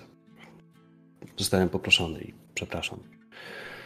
Eee, nie wiem, jak ważne dla was wszystkich i patrzę po kolei na każdego. Eee, jest to, co mi się wydarzyło, ale pewnie znaliście Werę. Wera to była moja matka. Poznaliśmy się kilka miesięcy temu. Jeszcze kilka miesięcy temu nawet nie wiedziałbym, kim jesteście, co tutaj się dzieje i że to w ogóle jest realne. Ja pierdolę, wali w pięściami, pięściami w stół Uwe. Prawo progenitury. Dla kogo, kurwa? Dla twoich, prawda? Dla waszych wętru. Jeszcze słowo słyszysz, Kejre. Staje przed księciem, rozpościera ręce i staje. Jest dużo mniejsza niż Brudżach, ale absolutnie nie widzisz w cienia strachu. A ty, psie, kundlu na smyczy wętru. Masz kolczatkę, obroże, batorzy cię, czy robisz mu loda z połykiem? Suko na jego smyczy. Kobieta robi krok do przodu. Spogląda na niego. Daj mi tylko powód, a wyrwę ci serce. Spokój! Słyszysz księcia. Uwe, jeżeli chcesz tu zostać, przestrzegaj zasad. Ty i twoi anarchiści macie to w głębokim poszanowaniu, ale ze względu na tradycję i wspólny problem. Jeżeli chcesz dotrzeć do tego, kto stoi za morderstwem twojego przyjaciela, zamknij się w końcu i daj powiedzieć. Zostaliśmy zaatakowani kilka godzin temu. Vera najprawdopodobniej zginęła. Nie wyczuwam jej. A mi kazała uciekać. Znalazł mnie jeden z twoich, o panie. Patrzę na Benedykta. Kasper mi pomógł. I dotarłem tutaj. Nie wiem, kto zaatakował. Słyszałem strzały, słyszałem krzyki. I nie mogłem się oprzeć temu najgłośniejszemu krzykowi, żeby uciekać. Matka do końca chroniła życie swojego syna, odpowiada młoda dziewczyna, nastolatka, Gretchen Strauss. Z tego co wiesz, z tego co powiedziała Chloe, głowa klanu Tremer. Duże zielone oczy na ciebie patrzą, jakby ze współczuciem. Czy coś udało ci się zauważyć? Czy widziałeś napastników? Powiedz nam coś więcej. Matiasie? Dobrze pamiętam? Tak, e, Matthias Winkler. I tutaj pytanie, czy udało mi się coś zauważyć? E, słyszałeś, masz jedną informację, nie wiem czy pamiętasz z poprzedniej sesji, co udało ci się usłyszeć. Był specyficzny dźwięk, pewnym momencie, kiedy już byłeś w azylu, czyli w tym panikrumie. E, głośniki przekazały go, bo kamery zostały zakryte przez napastników, ale głośniki działały, zbierały dźwięk. Sorry. Przypomnij, proszę. Ktoś wchodził i był ewidentnie słychać dźwięk laski. To jest jedyne jedyna... co pamiętam. Mhm. Jedyne co pamiętam to dosyć specyficzny dźwięk. Jakby metalowej laski rozbrzmiewający po podłodze. Laski? Stary szczurze, to ty za tym stoisz? Słyszysz Uwe, który zwraca się do Nosferatu. W pewnym momencie dostrzegasz, jak Nosferatu, tam gdzie stał w tych ciemnościach, po prostu się rozpłynął w nich i po chwili stał za Brudżachem, kładąc mu swoją laskę na ramieniu. Wyszeptał mu coś do ucha i dałbyś sobie rękę obciąć, że Brudżach zbladł.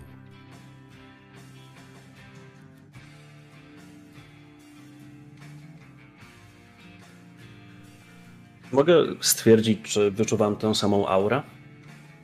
W jakim sensie?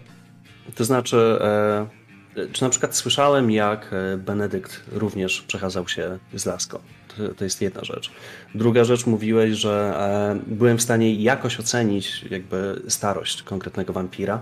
Mhm. Czy cokolwiek jakby łączy się tutaj, czy jakieś puzzle w mojej głowie się łączą, że to może być ten człowiek, czy mogę teraz zaprzeczyć mm, z większą pewnością niż mniejszą, że to nie on nie masz, nie masz pojęcia tak naprawdę, yy, wiesz, trudno ci porównać, czy to jest ten sam dźwięk. No, myślę, że gdybyś usłyszał ten sam dźwięk, może byłby charakterystyczny, ale masz wrażenie, że, że nie, że, że żebyś skojarzył ten dźwięk, bo sam e, Benedykt przechodził się tutaj, że tak powiem, zmieniał swoje, swoje miejsce i nie słyszałeś nic takiego, być może nie używał laski, ale z drugiej strony byłoby to tak oczywiste, że aż mało realne, że, mhm.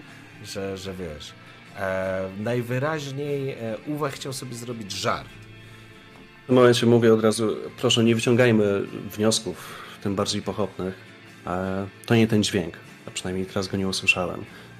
Nie śmiem w ogóle podejrzewać pana Benedykta. Grecjan spogląda się na na samego e, Benedykta. E, nie na Benedykta, przepraszam, na Noa. Książę. Co w takim razie mamy czynić? Jaki jest plan awaryjny? Najwyraźniej jesteśmy wszyscy w niebezpieczeństwie. Jaki jest plan działania? Jaka jest procedura? Co powinniśmy zrobić? No a spogląda się na nią, lekko mrużąc oczy. Bo mam wrażenie, że bezpieczeństwo nas wszystkich jest wystawione na próbę. Kolejny raz. A gdzie jest Hamza? Spogląda się dookoła, głaszcząc cały czas tego królika. Ten królik jest żywy, to zdążyłeś zauważyć, ale on absolutnie się nie rusza. On po prostu jest, jak wiesz, jak kawałek, jak kawałek po prostu, nie wiem, ozdóbki na jej rękach. Ona obraca się. Gdzie jest Hamza? Tak, właśnie, słyszysz Uwe. Gdzie jest ten pierdolony kebab? Gdzie jest głowa klanu Asamitów?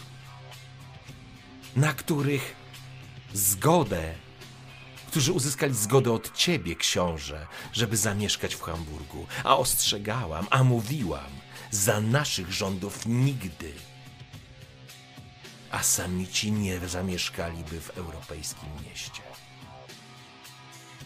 Czy podważasz moją władzę? No a podchodzi poprawę garnitur. Czy występujesz przeciwko mnie? Tremerka spogląda się na, siebie, na niego delikatnie uśmiecha. Ależ skąd? Ja po prostu się obawiam. Uwe parsknął. Pierdolicie. Wszyscy tu pierdolicie. Jedni lepsi od drugich. Zabili mi towarzysza. Podpalę to miasto. Podpalę je, rozumiecie? Gangrelka znowu uśmiechnęła się do niego. Uwe, dzieciaku, Opanuj swe żądze. Zachowuj się. Byle jak. Ale się zachowuj. No a spogląda na was wszystkich.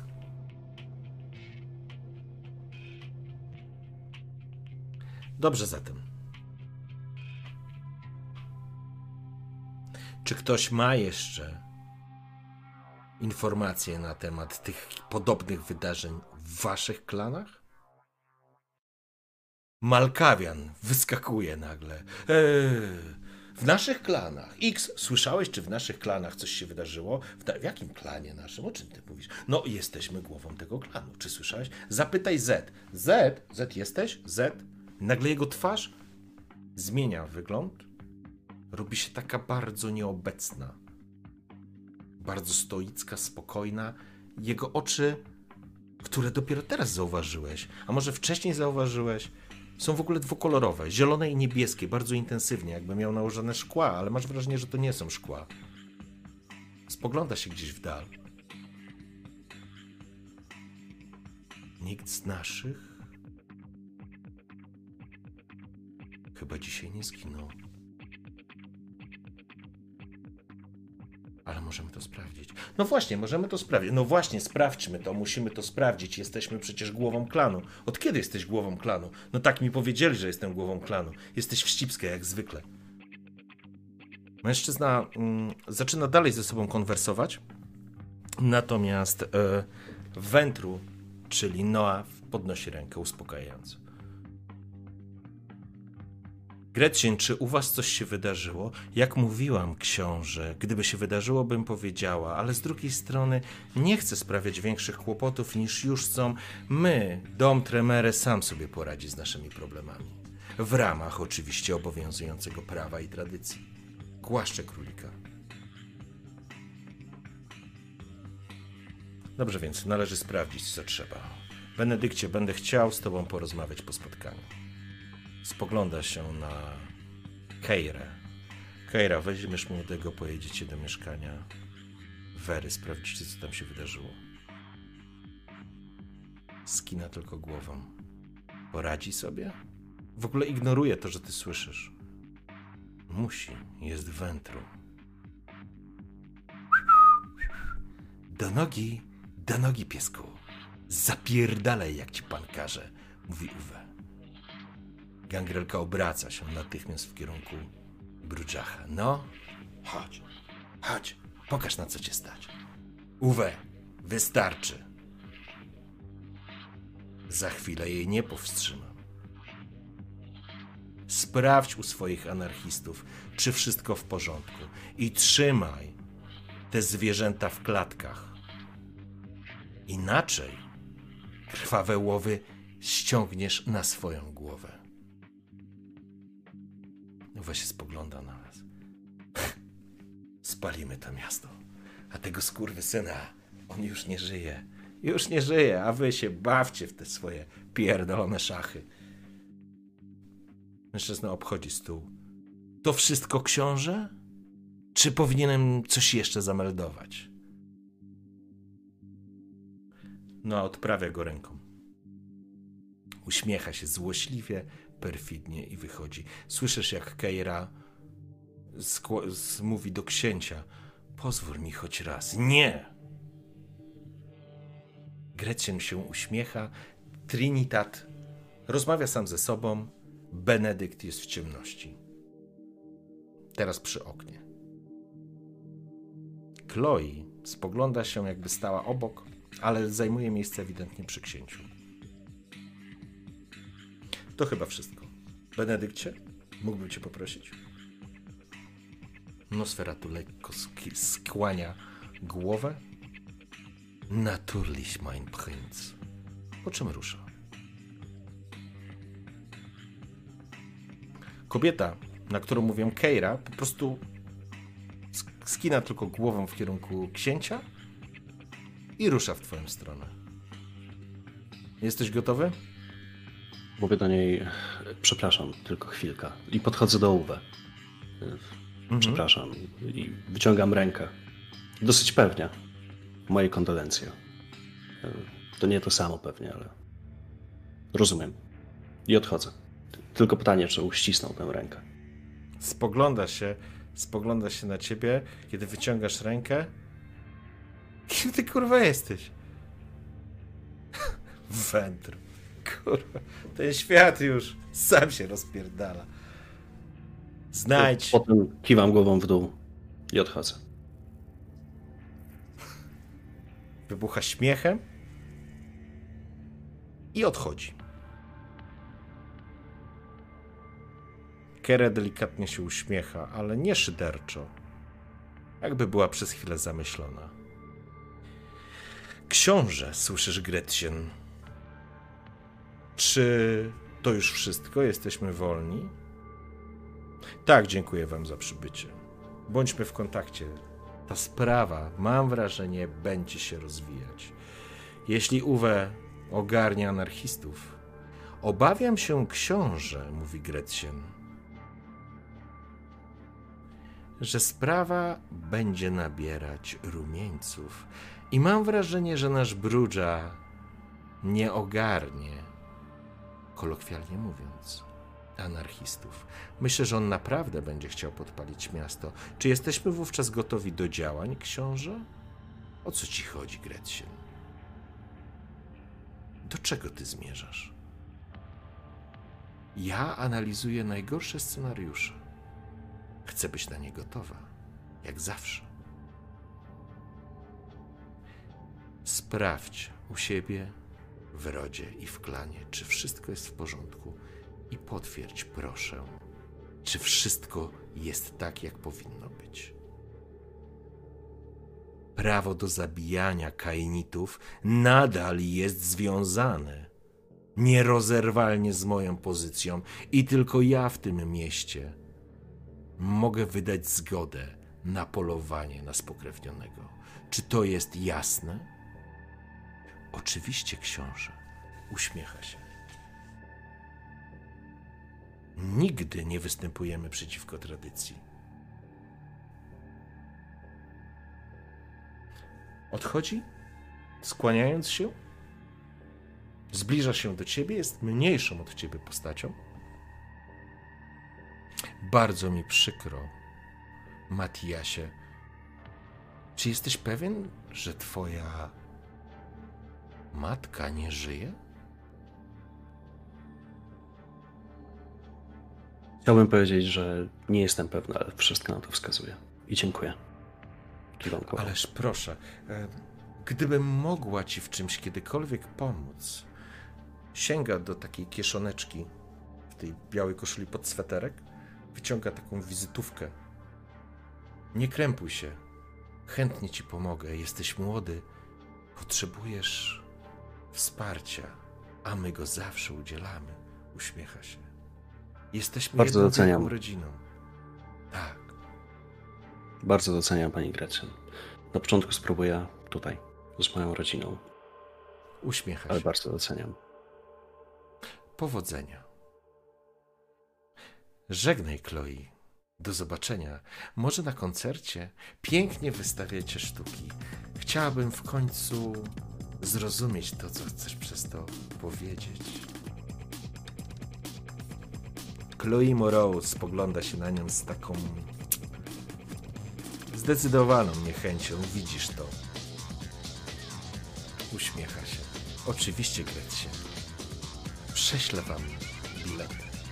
Uśmiechają się obie, a masz wrażenie, że przed nimi po prostu powietrze skrzy.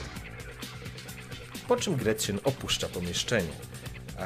Czy skończyliście już te tańce godowe? Słyszysz obok siebie Keirę.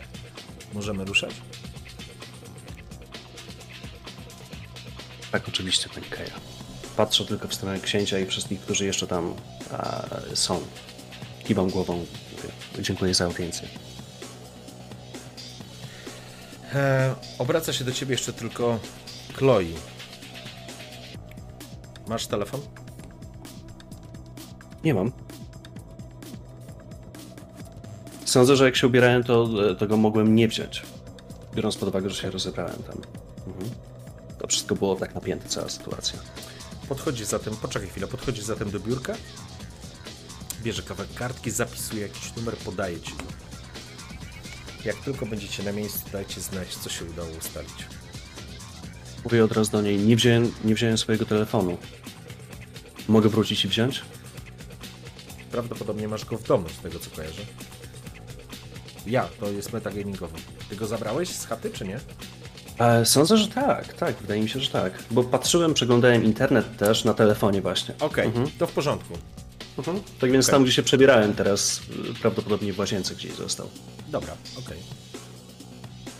Dobrze. W porządku. W takim razie yy, ona podała ci tą kartkę z numerem, podeszła do księcia, a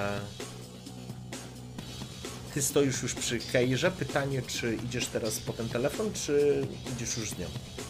E, pani Keiro, tylko na chwilę pójdę do e, pokoju, gdzie się przebierałem. Wezmę Jestem... telefon i resztę prywatnych rzeczy. Jestem Keira, nie tytułuj mnie. To Oczywiście, Keiro. Matias i wyciągam rękę. Wygląda, wyciąga swoją dłoń. Po uścisku idę bezpośrednio do pokoju, gdzie, gdzie to zostało. Mhm. Razu uświadamiam sobie, że nie zadałem pytania Chloe wcześniej, ale na szczęście będzie Keira obok. Właściwie kim była moja matka? Skąd to całe zamieszanie? Mhm. Z tą myślą biorę swoje rzeczy. Czy coś tam mnie jeszcze spotyka, czy wracam do Keira? W porządku. E, kiedy wychodzisz na, kiedy wychodzisz na ten korytarz łączący, że tak powiem, e, salę, biuro nazwijmy to szumnie, z, z tym korytarzem, dostrzegasz na korytarzu siedzącego Malkawiana e, w takiej po turecku, pod ścianą, lekko się kiwa, spogląda się na ciebie, jego włosy są w totalnym nieładzie, te zielone i niebieskie oko się przygląda. Przyszedł, przyszedł. Przyszedł, widziałeś? Podpytajmy go. Zapytajmy go. Chodzę w tym momencie od razu i mówię, e, pani, panowie, e, czy byłem zawołany? Widzisz?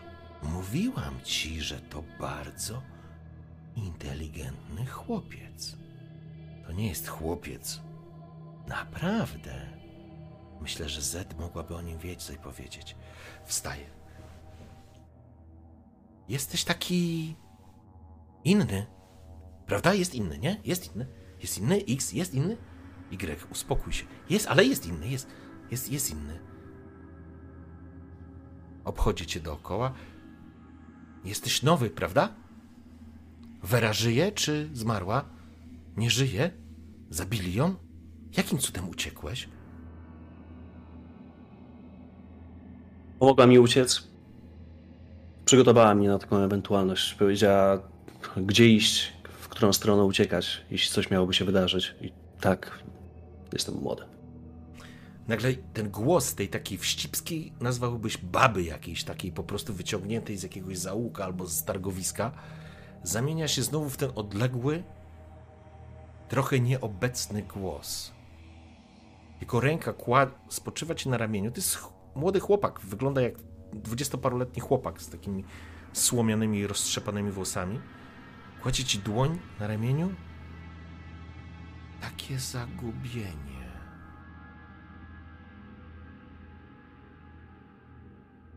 Tak nie wiesz, co się dzieje. Zrozumiesz. Szybko musisz się uczyć, Matiasie. Jesteś owcą wśród wilków. Nie ufaj nikomu. Nie ufaj nikomu! I znowu ten głos znika i pojawia się ta baba. Nie ufaj nikomu, pamiętaj, nie ufaj nikomu. Nikomu nie należy ufać. Z nami możesz zawsze rozmawiać. X jest miły, ale on gówno wie. Porozmawiaj zawsze ze mną. Zawsze pytaj o Y. Zawsze pytaj o Y. Y, weź się już uspokój. Ale X, ja mu dobrze radzę.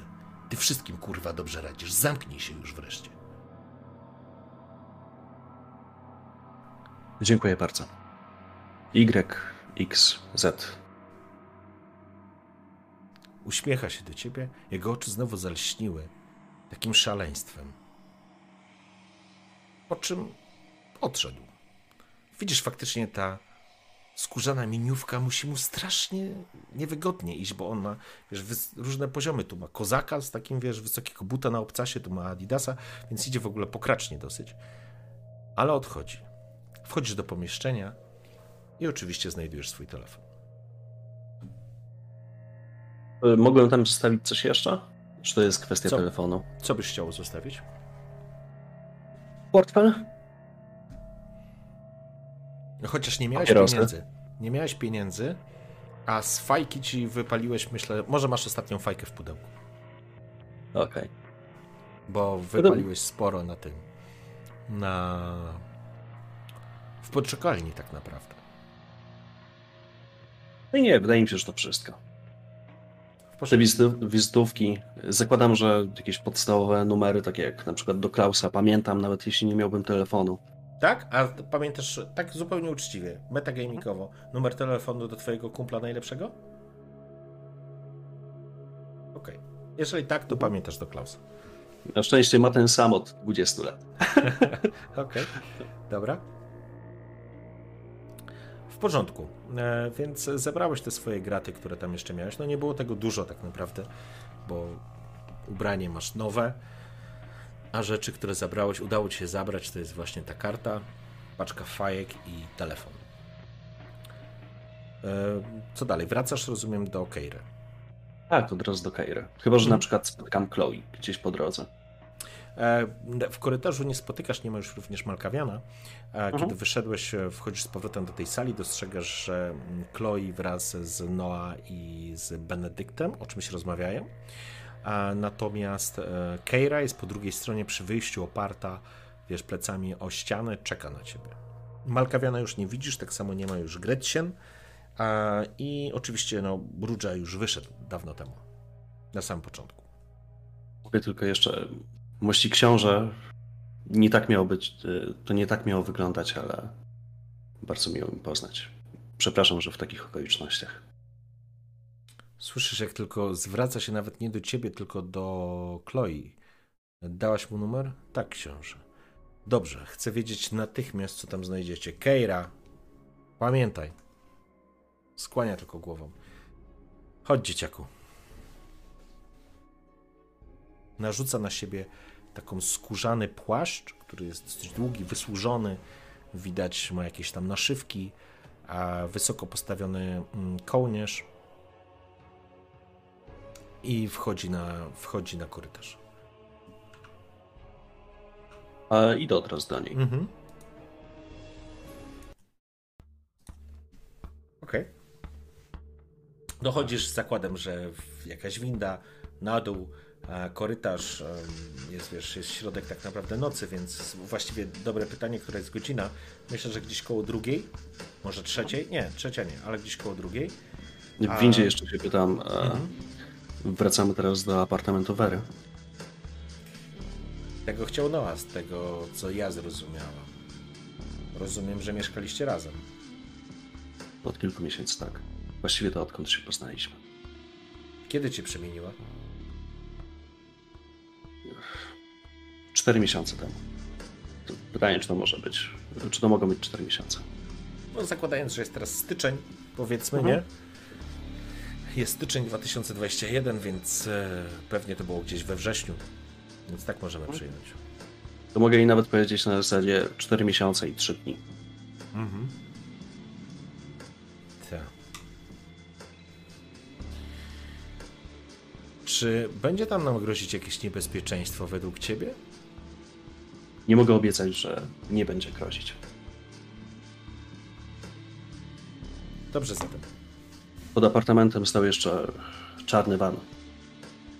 Jak znalazł mi tam Kasper. Możliwe, że ktoś tam jeszcze się krąta.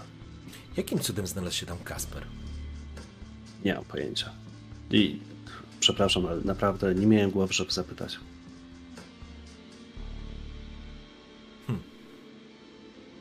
Dobrze, chodźmy. Wychodzicie na zewnątrz, podchodzicie do jednego z samochodów. Czarny Mustang. Podchodzi, otwiera drzwi, wskazuje ci miejsce, żebyś siadał. Odpala warkot, głęboki warkot silnika. Rusza spod opery z piskiem. Włącza muzykę. Jakiś ostry metalowy utwór. W trakcie jazdy chcę się zapytać e, pani Kej- Keira. Keiro, kim właściwie była moja matka? Spogląda się na ciebie nieco zdziwiona. E, co to znaczy, kim była? Wiem, że należymy do rodu Wentru, natomiast jak wysoko była postawiona? Jakie miała konotacje tutaj? Ja naprawdę nigdy nawet nie pomyślałem zapytać, a, a jak już wchodziliśmy w takie szczegóły, w hierarchię, to zmieniła temat. No. Jakby to powiedzieć, Wera była blisko księcia. Była jedną z jego załóżniczek, tak bym to nazwała.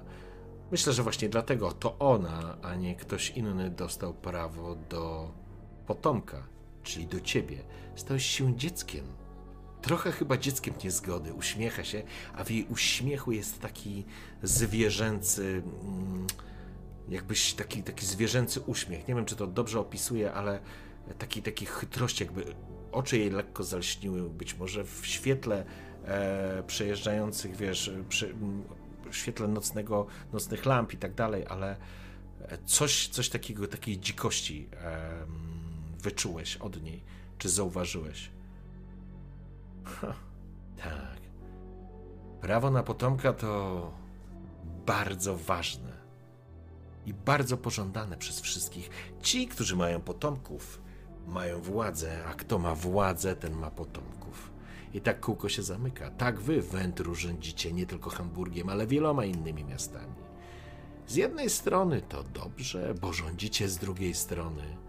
Robicie sobie wrogów. A mała Gretchen najchętniej spaliła, zagotowałaby waszą krew. Muszę powiedzieć, że ci nie zazdroszczę. A Vera. Wera była w porządku. Wera była w porządku. W jej głosie wyczułeś pewną nostalgię, jakby za jakimś minionym czasem. Szybko i sprawnie pokonywała kolejne ulice, przecznice, skrzyżowania, place, zmieniając, e, wyjeżdżając z tej części portowej Hamburga, wjeżdżając, e, wjeżdżając na, do centrum Um, robimy? Chciałbym krótką pauzę higieniczną, tak 3-4 minutki, co? No pewnie. Dobra, czaty, słuchajcie, robimy 3-4 minuty przerwy i zaraz wracamy.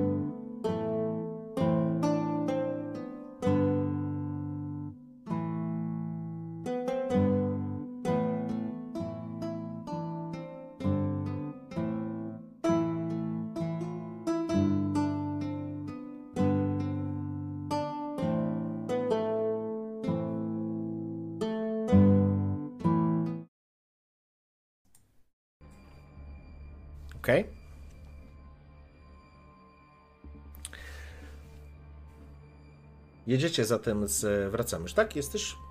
Słychać? Weź powiedz coś. Myślę, że... Słychać, słychać. Okay, Raz, dwa, trzy. A, więc wracamy. E, jedziecie przez, przez Hamburg e, w kierunku apartamentu mm, Wery, właściwie też również twojego domu. W pewnym momencie pewnym momencie dojeżdżacie mniej więcej w pobliże tego, tego swojego placu, nazwijmy to znaczy miejsca, gdzie, gdzie po prostu mieszka.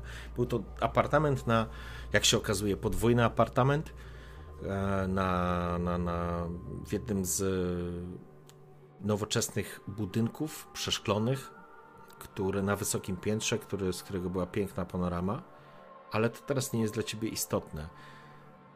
Podjeżdżacie pod budynek. Keira zatrzymuje się na jednym z, z miejsc, właściwie zajmuje tak naprawdę miejsce dla niepełnosprawnych. Zatrzymuje się? No dobrze. Jesteśmy na miejscu. Widzisz coś, co ci nie pasuje?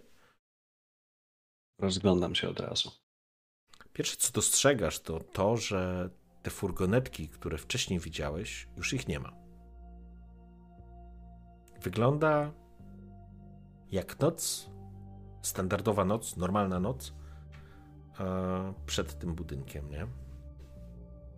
Wygląda na to, że już ich tu nie ma, a przynajmniej nie ma tych aut. Ale może tylko zbadajmy miejsce, gdzie znalazł mnie Kasper. Czy ktoś za nami wężył? Jesteś w stanie? Gdzie to było? To tamten zaułek i pokazuje po drugiej stronie ulicy. Kera wyskakuje z samochodu, to znaczy wychodzi z samochodu, rusza tam sprężystym krokiem. Podchodzi. O, sorry. U mnie się włączy. podchodzi w, w to miejsce, to było po drugiej stronie budynku, a przeglądałeś się, jakby idąc równolegle, przyglądałeś się tej jakby fasadzie tej recepcji, bo jest, jest tam również um, może nie recepcja, tylko po prostu jest ten główny hall, więc e, nie ma tam nie dzieje się nic, co byłoby, że tak powiem, wskazywało, że wydarzyło się coś e, nieodpowiedniego. Wy natomiast przyszliście przez, e, przez ten hall i, i przepraszam, przez hall, przez ten chodnik dochodzicie do krzaków. Faktycznie, wiesz, mm, Keira zagląda w to miejsce, faktycznie widać, że jakby potwierdza, że tu, że jakby coś tu się działo, jakby potwierdza Twoją wersję wydarzeń. Natomiast nic nowego, dodatkowego e, z tego punktu widzenia się, że tak powiem, nie udało ustalić. Myślę, że trzeba po prostu wrócić do mieszkania i sprawdzić mieszkanie. Mówisz, że jak patrzyłem na recepcję, to jakby każdy się zachowywał, jakby nic się faktycznie nie wydarzyło? Mhm. Keira, jakby tylko jedna rzecz. Tutaj się działo i to działo się głośno. Albo namieszali im w głowach. Albo coś tu jest nie tak. No dobrze. Sprawdźmy to. Chodź za mną. Rusza do budynku. Budynek się od, jakby podchodzi do drzwi, a drzwi się otwierają. Wchodzicie na hol. Faktycznie po prawej stronie jest, nazwijmy to, recepcjonista. Spogląda się na was. Dobry wieczór. Dobry wieczór. O, pan Winkler. Jest tak, witaj, witaj Tomasie. Dobry Uś... wieczór. Uśmiecha się. Starszy facet, który sobie dorabia tak naprawdę. To późna pora, e, panie Winkler. E, w czymś mogę pomóc? E, nie, zupełnie nie. Musiałem się przewietrzyć i spotkałem moją dawną znajomą Zofię. Pokazuję na Kaira. Kiera spogląda się na ciebie, po czym uśmiecha się wymuszony. Dobry wieczór. E, dobry wieczór, pani Zofio, dobry wieczór. E, tu życzę e, spokojnego wieczoru. Dziękujemy. I idziemy, kierujemy się w stronę windy. Zofia? Skąd ty jesteś, Winkler? Było pierwsze imię, jakie mi przyszło do głowy. Wybacz, Kairo. Miałem takiego jednego współpracownika, Polaczka, kurwa, Friedrich. Gdybyś go poznała, mówię ci. Opowiadał o swojej żoni, żonie Zofii. Jakoś tak. Ciężko mi.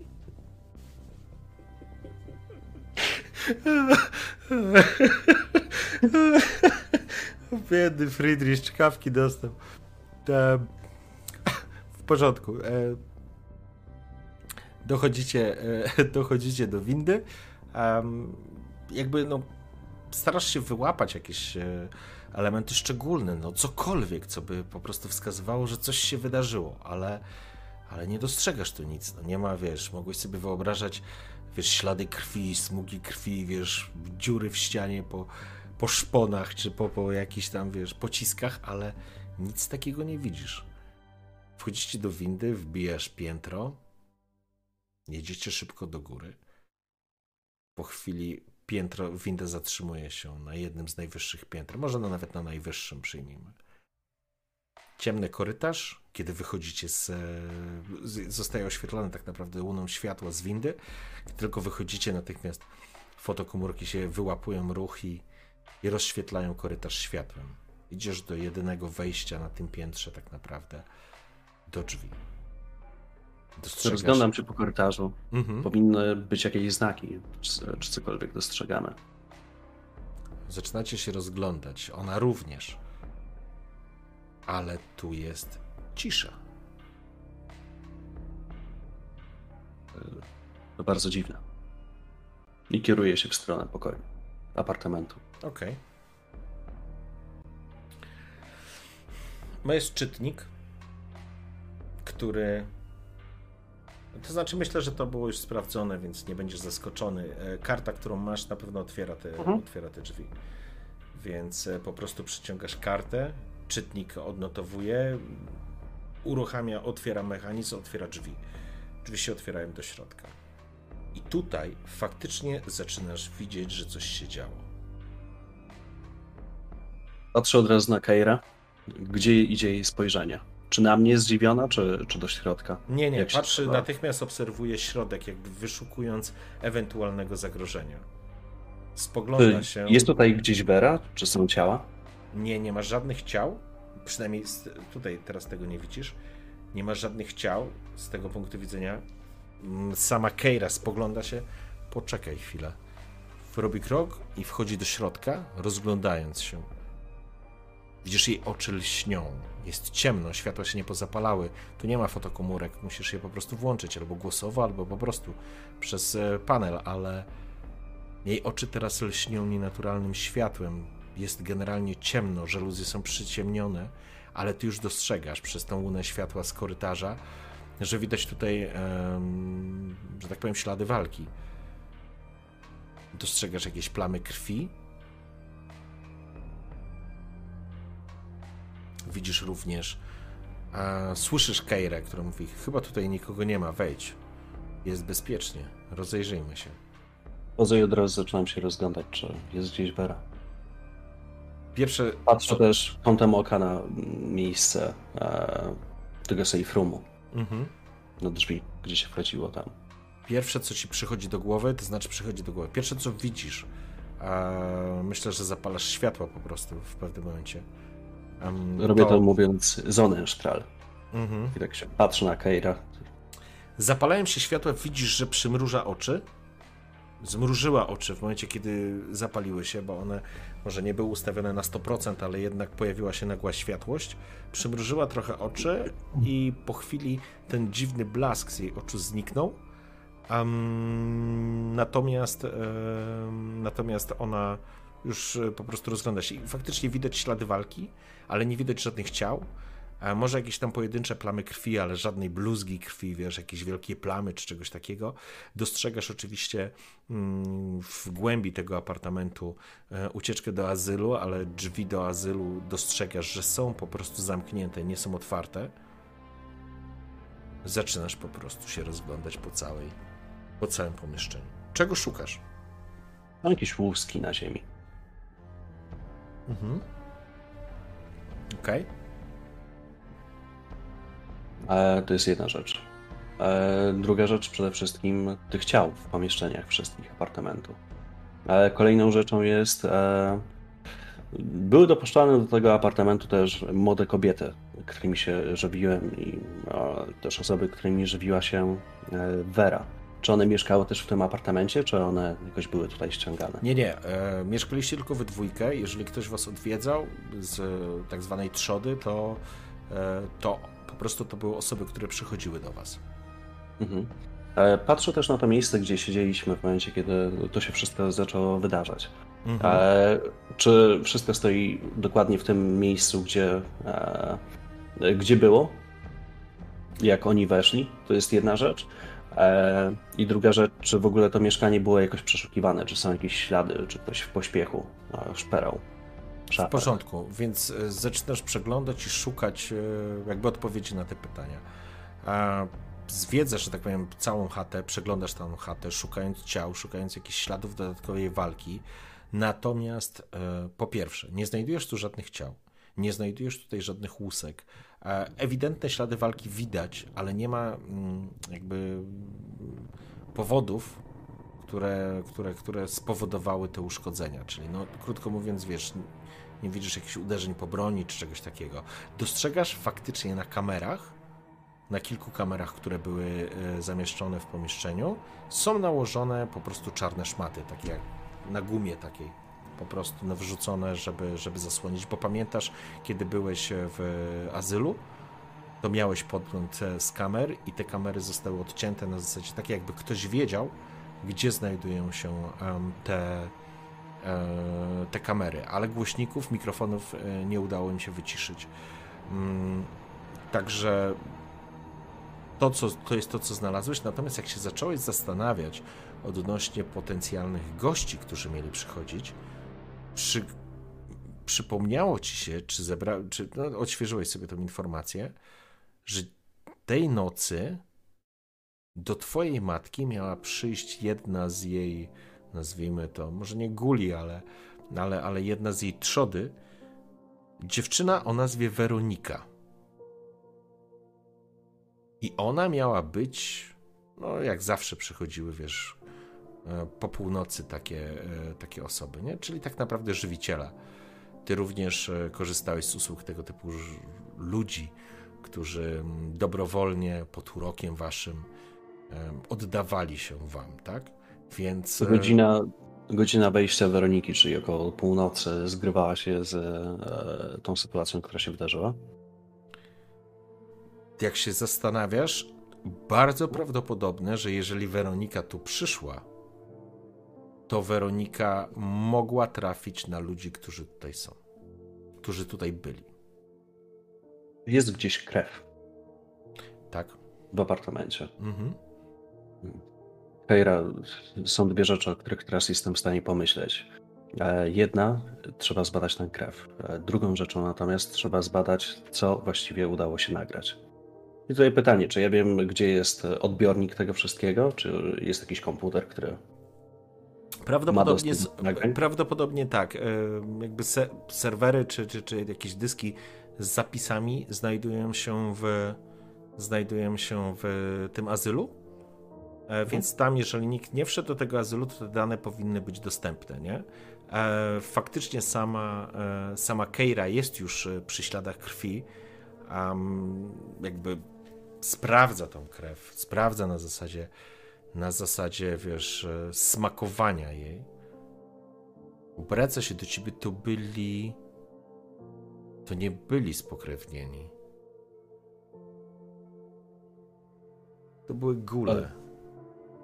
Na moje to były gule. Gdyby Gretchen tu była, powiedziałaby o tym wszystko. Ha. Ale na tą sukę nie można liczyć. Co jeszcze tutaj znalazłeś? Tak naprawdę nic, ale sprawdźmy, co udało się zapisać. I otwieram drzwi do azylu. W porządku? Szukasz, e, szukasz drzwi do azylu, to znaczy szukasz, podchodzisz do, do, do ramy, wciskasz ten przycisk, słychać faktycznie mechanizm i teraz dostrzegasz w rogu przy szafce leżący pierścień, który był pierścieniem z pewnością należącym do Wery. Odbiegam do niego od razu. Mhm. Schylam się, patrzę, czy coś jeszcze obok niego leży. Nie, widzisz tylko pierścień leżący. Po prostu jakby był zdjęty, albo ściągnięty, albo, albo rzucony tam, albo po prostu spadł jej z, z dłoni. Pucam przy tym i myślę sobie, kurwa, matko, Biorę do ręki. Spogląda. Co znalazłeś? Podchodzi do ciebie.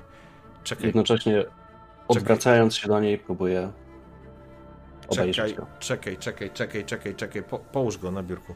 Połóż go tutaj. Że wyciąga chusteczkę higieniczną, owija ten pierścień, e, chusteczkę. Zdążyłem się jakoś przyjrzeć temu pierścieniowi? Jest to jej pierścień, który miała zawsze na palcu. Okay. Jest to, to znaczy to pierścień, to może za, za dużo powiedziane, bo to nie jest sygnet, to jest taki damski pierścionek z jakimś tam na pewno klejnotem, e, pięknie, pięknie zdobiony, ale był to element, który miała zawsze przy sobie. Zawsze to nosiła bez względu do tego, jaką miała kreację na sobie. Zawsze kojarzyłeś, że ten pierścionek, e, że tak powiem, zawsze jej towarzyszył. Zamiast mówić, co to jest, pytam się, kojarzysz ten pierścień? Z tego co kojarzę, ona zawsze coś takiego miała przy sobie, a to oznacza, że ten przedmiot jest z nią związany. To oznacza, że Chloe być może będzie mogła nam o nim wiedzieć, powiedzieć nieco więcej. Dlatego nie chcę, żeby go dotykał. Chloe? Tak.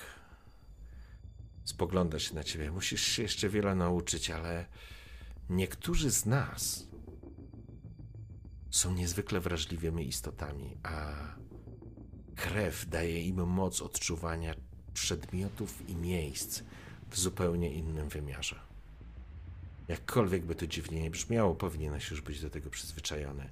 Owija e, ten pierścień e, chusteczką, staraj się go nie dotykać. Odsuwa go. Chusteczkę biorę go. Zawinęła go mhm. po prostu w tą Tak, tak, tak. Biorę go i chowam e, do wewnętrznej e, kieszeni marynarki, żeby na pewno nie wyleciał nigdzie. Mhm. E, wyciągam z tej samej kieszeni mój portfel i przerzucam do, do kieszeni spodni, żeby na pewno on tam był i to znaczy, portfel, żeby się nie pomylił. Portfel możesz wziąć z domu, bo nie miałeś portfela ze sobą. A no, jeśli tak. To znaczy mówiłem, że biorę w porządku to nie biorę portfela z domu, póki co przynajmniej. Ale to poczekaj, e... nie, bo jeżeli mhm. mówisz, ale nie moim zdaniem nie, nie miałeś właśnie... portfela, bo nie miałeś jak zapłacić za kawę. Okej, okay. to prawda. E, nie, nie złapaliśmy się na tym w momencie, kiedy właśnie się kąpałem. E, nie tylko księcia w tym pomieszczeniu. Bo... Ale to prawda. Mhm. Tak, tak mi się wydaje. To znaczy, z tego co pamiętam naszą pierwszą sesję, nie miałeś jak zapłacić, a gdybyś miał portfel, to miałbyś jak Prawda? zapłacić.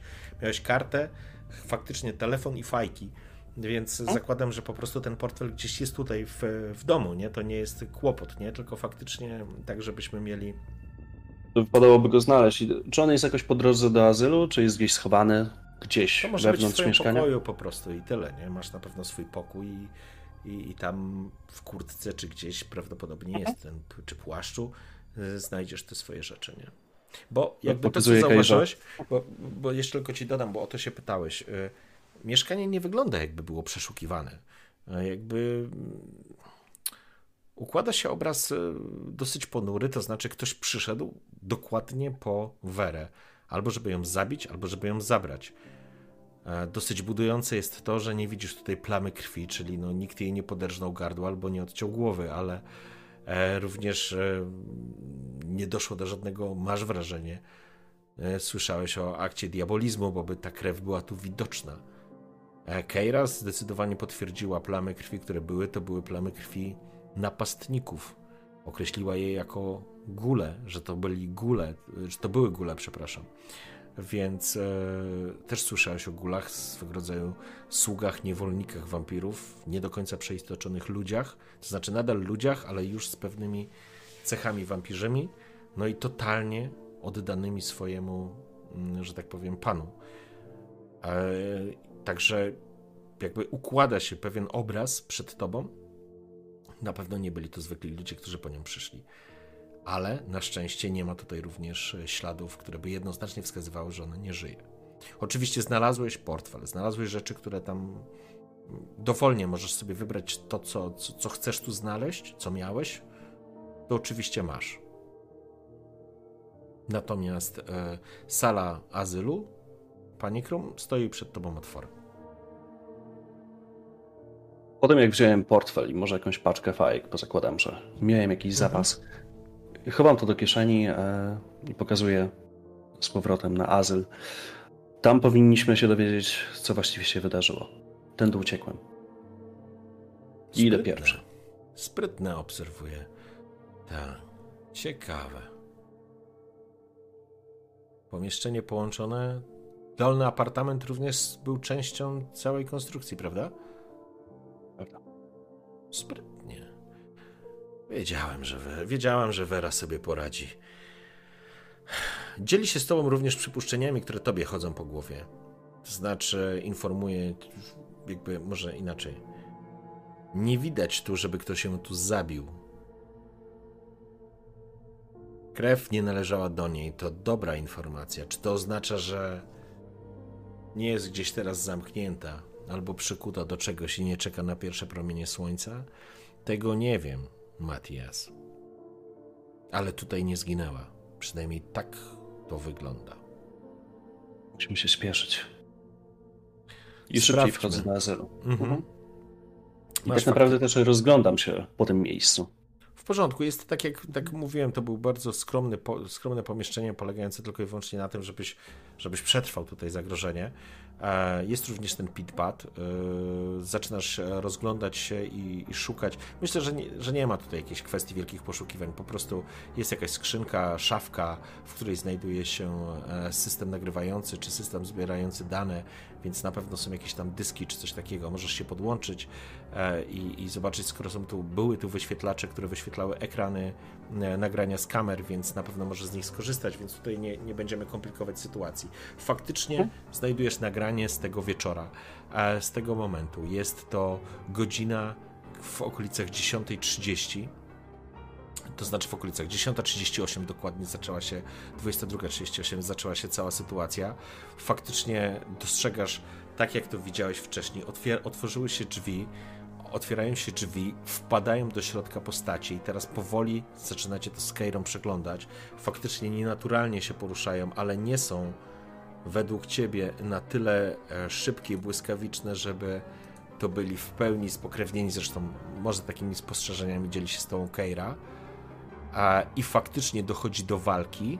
Widać e, na nagraniu, że e, twoja matka Vera krzyczy do ciebie, żebyś uciekał. I teraz, teraz wyłapujesz w tym nagraniu, w tym dźwięku tą informację, ten sposób mówienia, który nie znosi sprzeciwu, i później dostrzegasz, jak e, po prostu ruszasz, jak kamera cię jakaś tam łapie, e, uciekasz do azylu, widzisz walkę, twoja matka jednego z przeciwników powaliła, walczyła z kolejnym.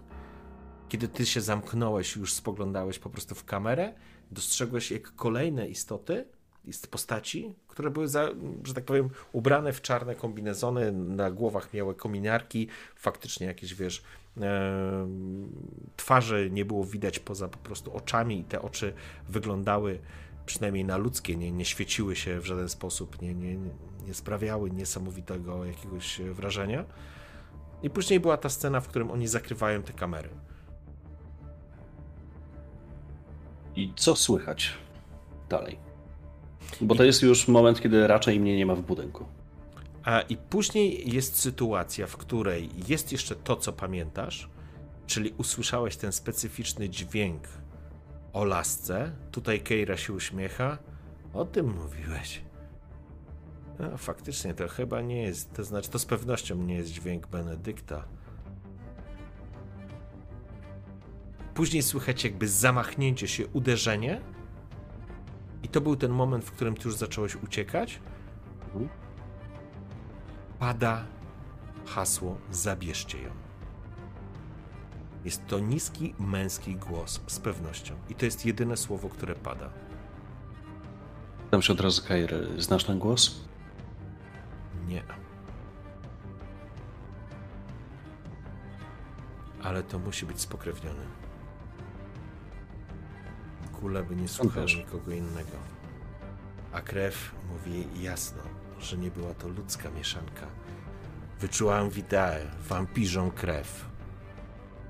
Te istoty w pewien sposób były nią naznaczone. To były gule, Matiasie. Książę musi się o tym dowiedzieć jak najszybciej. Zabezpiecz te nagrania. Wyciągnij dyski, zabierzemy go do księcia. Nie do księcia. Oczywiście, robię to w tym momencie mhm. i mówię, e, miała dzisiaj przyjść Weronika, jedna z trzody Wery możliwe, że to ona ich wpuściła. Jeśli nie ona wpuściła, możliwe, że nie przyszła wcześniej, zazwyczaj jest punktualna, to mogła zobaczyć, co tutaj się wydarzyło. I tutaj pytanie, czy wiem, gdzie Weronika mieszka? Czy to jest jakiś apartament też w tym budynku? Nie, to nie jest tutaj, ale myślę, że masz kontakt do e, Weroniki. Jeżeli chcesz, może być jednym z elementów twojej, twojej trzody, bądź nie. To jest twoja decyzja. Myślę, że może być. Okej, okay. to tym bardziej, uh mhm. -huh. bez żadnego problemu. Co więcej, e, jesteś w stanie... E, Będę ją wzywał chyba. Uh mhm. Tak mi się w ogóle wydaje. E, Keira, musimy się spieszyć. Wezwać ją? Jeżeli wiesz, gdzie ona jest, oczywiście zbierzmy od niej informacje. Wszystkie informacje mogą być teraz istotne. A później wracamy do księcia. Powinna znaleźć się tutaj w mgnieniu oka albo podążać za nami. I chciałbym tutaj metagamingowo wykorzystać e, wezwanie mhm. Weroniki. Okej, okay, w porządku. Żeby podążała za mną w momencie, kiedy e, nawet my jedziemy dalej, to żeby dotarła do, konkretnie do miejsca, gdzie będziemy przebywać. Dobrze, w porządku. Eee, sekundkę, ja tylko sobie jedną rzecz zerknę. Mhm.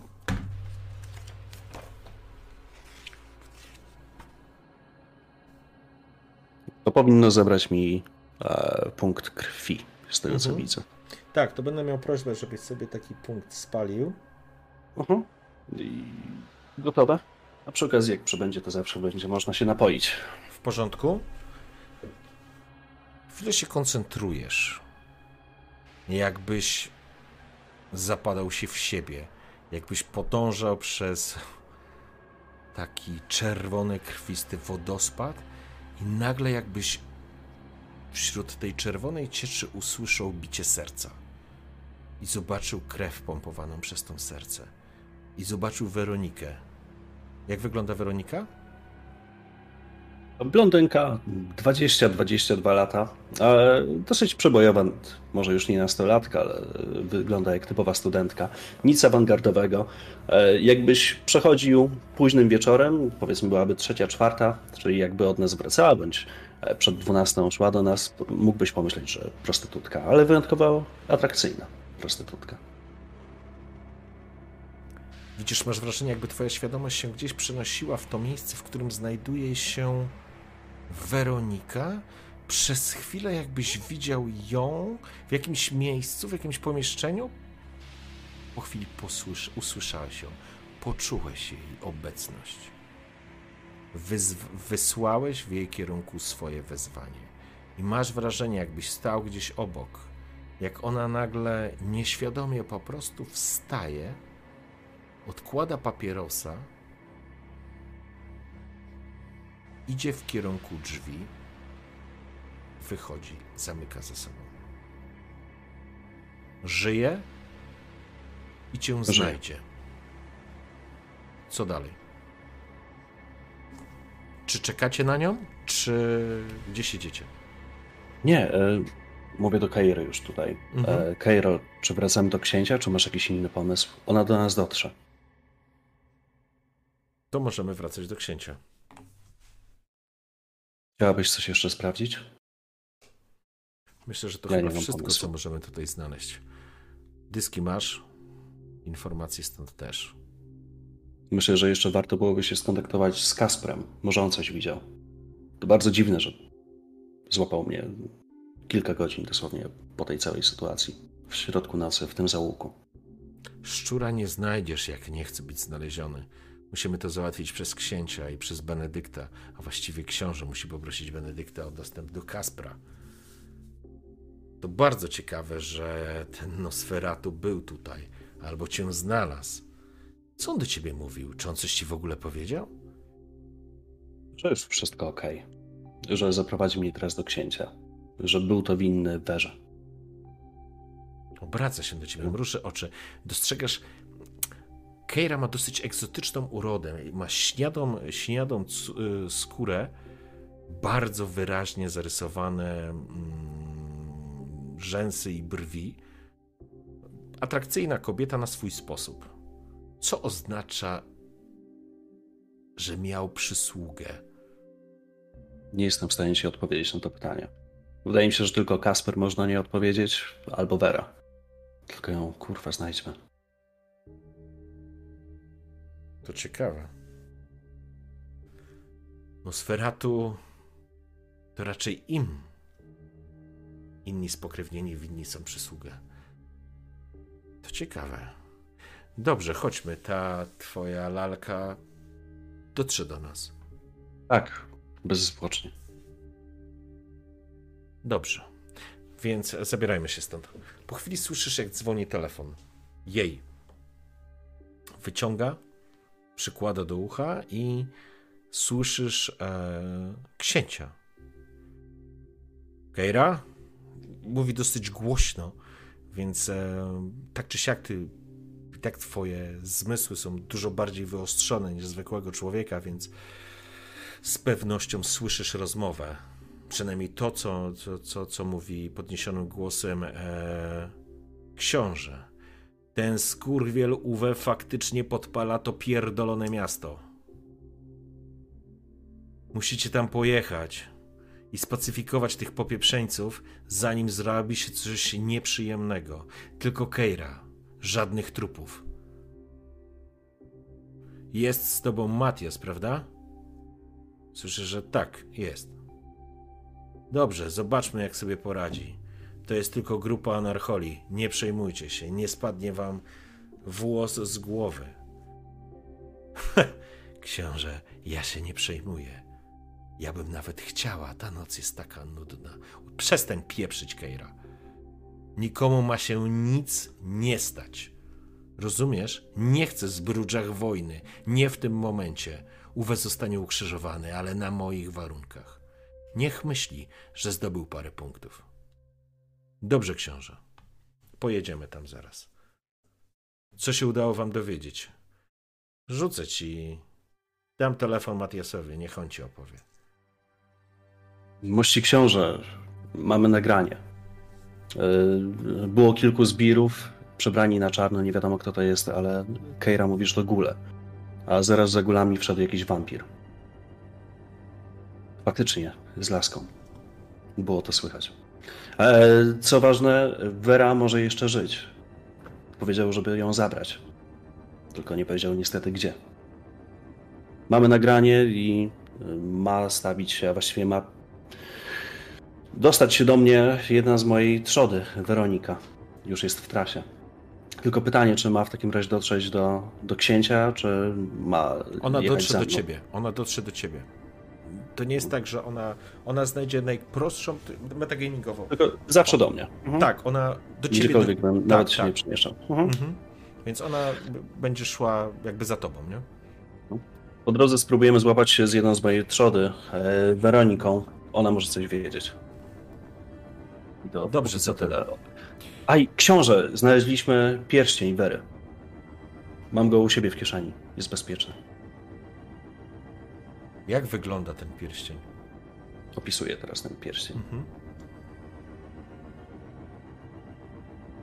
Ona z nim nigdy się nie rozstawała. Dobrze. Może Chloe będzie mogła coś o nim więcej powiedzieć. Dobra robota. Załatwcie sprawę z anarchistami. Matias, nie chcę tam rozlewu krwi. Nie zawiedź mnie. Oczywiście, książę. Keira uśmiecha się tak złowieszczo. Oczywiście też dokładnie słyszy, co mówi do ciebie książę. Wyłączasz telefon. No to co, młody? Idziemy się zabawić. Poznasz no, planów. Są wampiry, gule? Ludzie? Zazwyczaj są to podburzone wampiry. Bardzo fajna zabawa. Zobaczysz sam. Ale to cienka krew. Nie przejmuj się.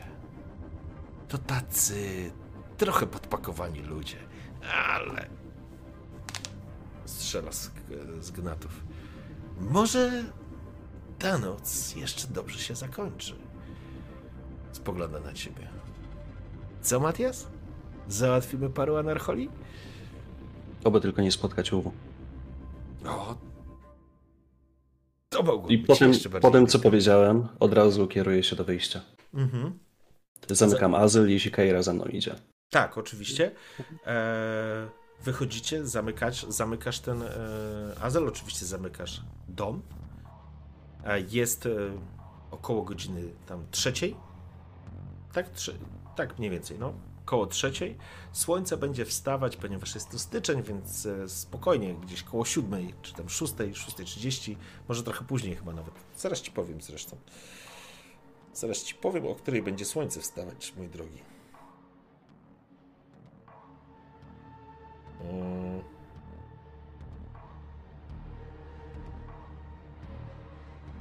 Nie, nie powiem ci. A nie, poczekaj, zmierzysz dzień. Y, a jest. No, gdzieś po siódmej. 7.51 dzisiaj. Wie, tak, więc mhm. będziesz miał, więc będziesz miał. E, macie jeszcze sporo czasu. Ruszacie w każdym razie, wychodzicie z apartamentu. E, jak się nazywał ten portier? Jak go e, nazwałeś? E, Tomas. Tomas. Tomas. Mhm. Tomas się uśmiecha oczywiście do ciebie, życząc ci dobrej nocy. Wychodzisz z pomieszczenia, kierujecie się do czarnego Mustanga Keiry. Dobrze. Mm, jedziemy do chłopaków. Keira, tylko ja nie chcę nic zjebać. Uśmiecha się. Może... Nie, nie możemy nic zjebać. Daj spokój. Będzie zabawnie. Czyli bez rozlewu krwi. Dopiero co poznałem księcia i ciebie. Uśmiecha się. Młody, wyluzuj. Wciska gaz do dechy, z piskiem rusza do przodu. Uratujemy ten wieczór. Będziesz bohaterem. Pójdziesz, pokażesz się staremu. Będzie całkiem dobrze. W końcu jesteś wędrą, nie? Przejeżdżacie przez e, kilka przecznic. Jakby trudno ci jeszcze w tym wszystkim się odnaleźć, jakby ta cała sytuacja stawia cię w, w miejscu, w którym tak naprawdę masz wrażenie, że cały czas improwizujesz. Mhm. A muzyka gra bardzo głośno w aucie. A tak, i zastanawiasz się po prostu, jak i co teoretycznie dalej. Ale z każdą chwilą dociera do ciebie coraz więcej informacji, coraz więcej wrażeń, ale czujesz przede wszystkim coś. E, przede, jedno pytanie. Z, z metagamikowo zrzuciłeś sobie punkt krwi, tak? Mhm. Okay. Ile masz teraz? Krwi. Dwa. Masz dwa punkty krwi. Mhm. Więc zaczynasz czuć pewną obecność, której od której nigdy się nie uwolnisz. Wypalenie tego, spalenie tego, tej krwi, żeby skorzystać ze swojej mocy, ze swojej dyscypliny, obudziło w tobie poczucie pragnienia, głodu. Jeszcze nie ma dramatu, ale jest już blisko, jeżeli nie pożywisz się dzisiejszej nocy, Matiasie to rano, to znaczy to kolejnej nocy obudzisz się na potwornym głodzie. Potwornym. A wiesz, co oznacza potworny głód. To ci Vera zdążyła pokazać. Przejeżdżacie przez ileś ulic, zostawiając za sobą centrum miasta, wyjeżdżając bardziej na obrzeża, ale nie na przedmieścia, czyli ładne domki jednorodzinne, które wiją się na niewielkim wzgórzu, nie, nie, to jest zupełnie inna dzielnica tego miasta. Tutaj ruszacie w kierunku części takiej mm, magazynowej, przemysłowej, w której znajduje się, której część miasta jest po prostu dużo biedniejsza, jest otoczona małymi bloczkami, w których E, mieszkają po prostu robotnicy czy osoby pracujące w tych potężnych firmach. To jest potężna połać. Ale kiedy dojeżdżacie w pewnym momencie, po jakichś 40 minutach jazdy, dojeżdżacie do w odpowiednie miejsce, wiesz o tym, że trafiliście. W beczkach pali, pali się ogień, mm, beczki są ustawione, jest, jakieś, jest jakaś knajpa, taka parterowa, przed nią, na tej, e, przed tą knajpą tłoczy się grupa osób łysych w skórach. Wyglądają jak. E, w, część z nich wygląda po prostu jak skinheadzi, ale widzisz tu mieszankę wielu osób. Jest pogoteka przed tym, przed, tą, przed tym klubem. Muzyka gra. Um, widać, że gdzieś ktoś tam bije się ze sobą, tych osób coraz więcej przybywa. i po prostu e, no, zaczyna się tu robić dosyć gorąco. To znaczy hasła i, i, i to, co wykrzykują ci ludzie, nie ludzie, w powietrze jakby jasno określają ich nastawienie. A nastawienie jest proste. Podpalmy to pierdolone miasto.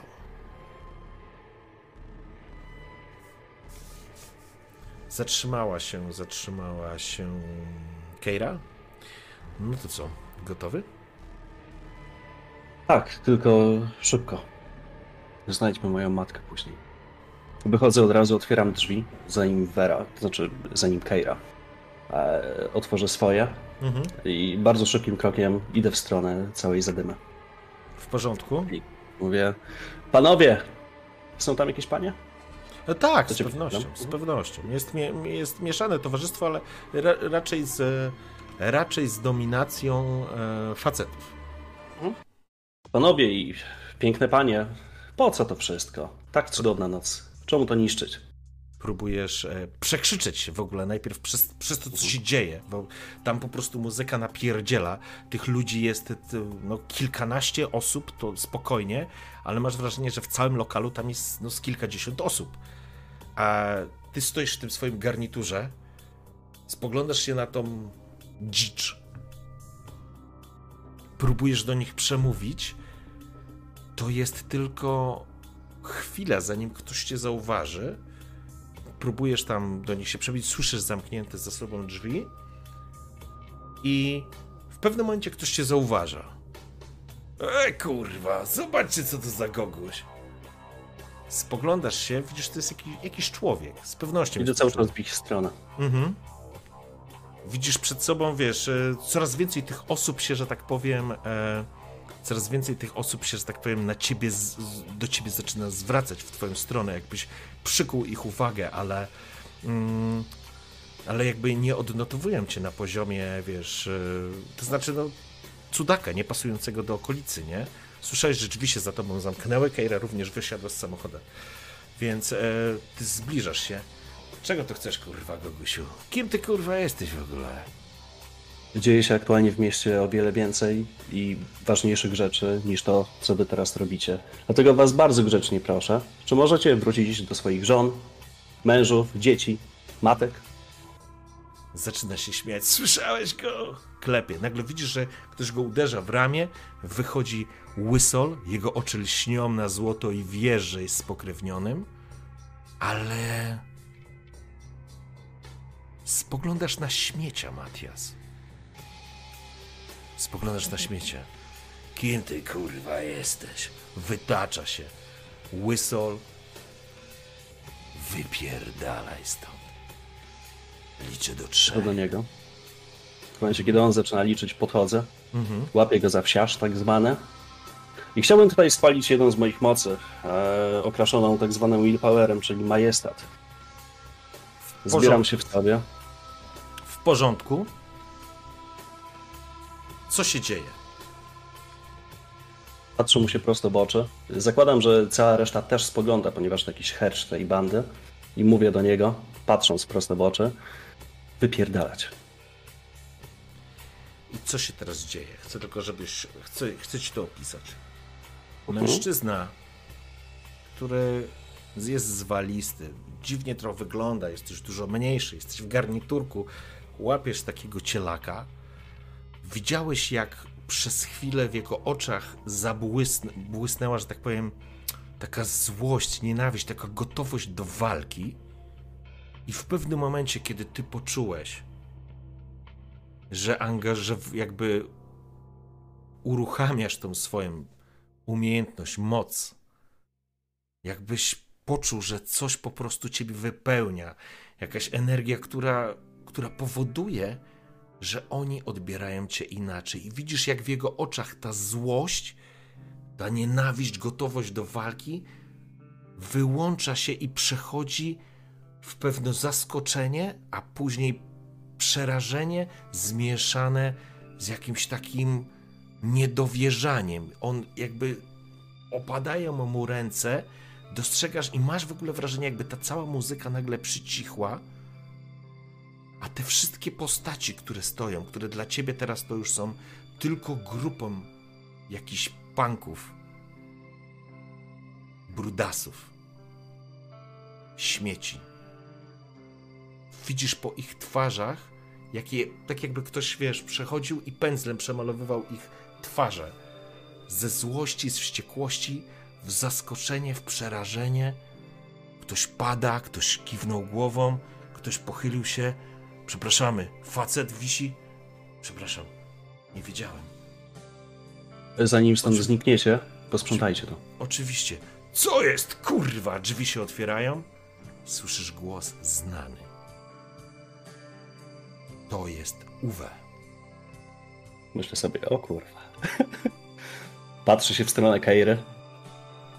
Keira, spoglądasz tylko na nią. Ta cała grupa, tu ze, ze 20 osób, która jest z przodu, oni wpadli po prostu, wiesz. E, co ciekawe, jesteś przekonany, że również e, to się tyczyło e, jakichś spokrewnionych, bo nie są to tylko ludzie, na 100%. Widzisz, że Keira uśmiecha się w takim. Jej twarz po prostu wypełnia uśmiech. Co ty, Gogusiu? Kurwa, mać. O wy skurwysy. I widzisz jedną rzecz. Keira wyskakuje do przodu, jak to znaczy wyskakuje, natychmiast kieruje się w stronę Uwego. Natomiast Uwe, który chciał ruszyć do ciebie, nagle widzisz, jak jego kamraci nagle zastępują mu drogę. Nie, Uwe, kurwa, zostaw go, zostaw go, kurwa, Uwe. Widzisz, jak zaczynałem go otaczać na zasadzie, aż straciłem ostrość, e, zaczynają go otaczać, nie możesz mu nic zrobić, nie możesz mu, nic nie możesz mu zrobić. Uwe, on zaczyna, jakby zaczynał rozumieć. Nie wiesz, w co się wpierdoliłeś, gówniarzu. Jeszcze cię dorwę. Jesteś już kurwa mój. Spróbuj szczęścia. Zamknij się, suko. Spuścił cię ze smyczy? To chodź, spróbujmy się. Daj mi tylko powód. Mężczyzna, ten, którego trzymałeś na rękach, spływa ci po, po, po, po jakby odchodzi usłużnie, cofając się, potakując na każde twoje, że tak powiem, słowo. Te 20 osób stara się trzymać tego Uwe. Eee, trudno ci określić, czy byliby w stanie go utrzymać, ale on chyba w pewnym momencie odpuścił. Mm. I widzisz, jak, ty, jak ci ludzie po prostu zaczynają się wsypywać z powrotem do tej knajpy. Muzyka zupełnie przycichła. No. Nie spodziewałem się. Nie spodziewałam się. Podchodzi do ciebie, opiera się tak na ramieniu, spogląda się na ciebie. Widzisz w jej oczach takie zaskoczenie, pewien rodzaj uznania i podziwu, ale nie jest to poziom tych istot, ludzi i spokrewnionych, które widziałeś w ich oczach. Ona jest naprawdę zaskoczona, tak jakby nie spodziewało się, nie spodziewała się, że, że jesteś do tego typu, do tego zdolny. Mówię jej od razu, Keira, przepraszam, nie chciałem na ciebie próbować wpłynąć. Uśmiecha się.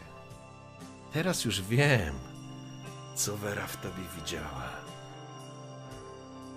Ja pierdolę. Zonenstralowie, ostro pokurwieni, wracamy do księcia. Uwe. Już się upewniam tylko, łapię się za marynarkę, czy jakby pierścień jest w tym miejscu i wszystkie moje rzeczy. Tak. Są.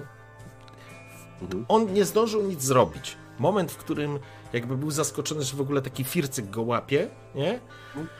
Do momentu, w którym chciał to przekuć w akcję, po prostu zostało to zgaszone e, majestatem, którego, który, który po prostu spłynął na nich wszystkich. Myślę, że to była w ogóle pierwsza sytuacja, w której e, Matias e, miał okazję w takich nielaboratoryjnych warunkach sprawdzić mhm. tą umiejętność.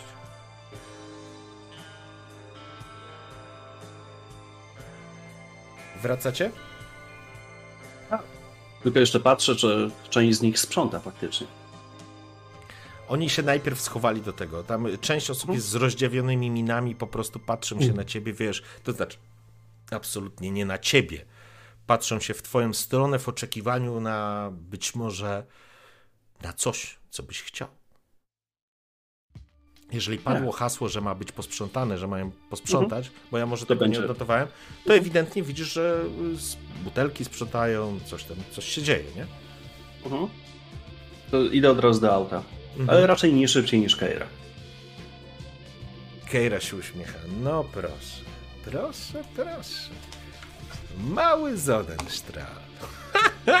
dobre, kurwa, dobre. O, jak opowiem chłopaku, nie uwierzę. Dobra robota, młody. Wsiadaj do samochodu, jedziemy. Dzięki, na szczęście udało się szybko to załatwić. Kiedy do, wyjeżdżacie spod tej knajpy, zostawiając ją za sobą, faktycznie nawet kropla krwi nie spadła. Włos nie spadł. Może temu łysolowi jakiś tam spadł, ale, ale nic złego się nie wydarzyło. Kiedy wracacie, dostrzegasz w pewnym momencie, jak y, z autobusu, to znaczy z taksówki, wysiada Wiktoria. Weronika. E, przepraszam, Weronika, sorry. Mhm. E, zatrzymaj się. Po hamulcach wciska. Co jest? Mhm. Wybacz, to Weronika. I zakładam, że ona biegnie w tę stronę. E, tak, kobieta po prostu e, bezwiednie jakby płaciła, wiesz, e, zrzuciła jakieś pieniądze i ona idzie, widzisz, że ona tak jak stała, jak była ubrana, tak jest ubrana, więc ona nie ma kurtki na mhm. sobie czy czegoś, po prostu idzie w twoim kierunku, jest taka no jakby nieobecna, nie? Mhm. E, otwieram drzwi, wychodzę, otwieram jej mhm. drzwi, żeby weszła.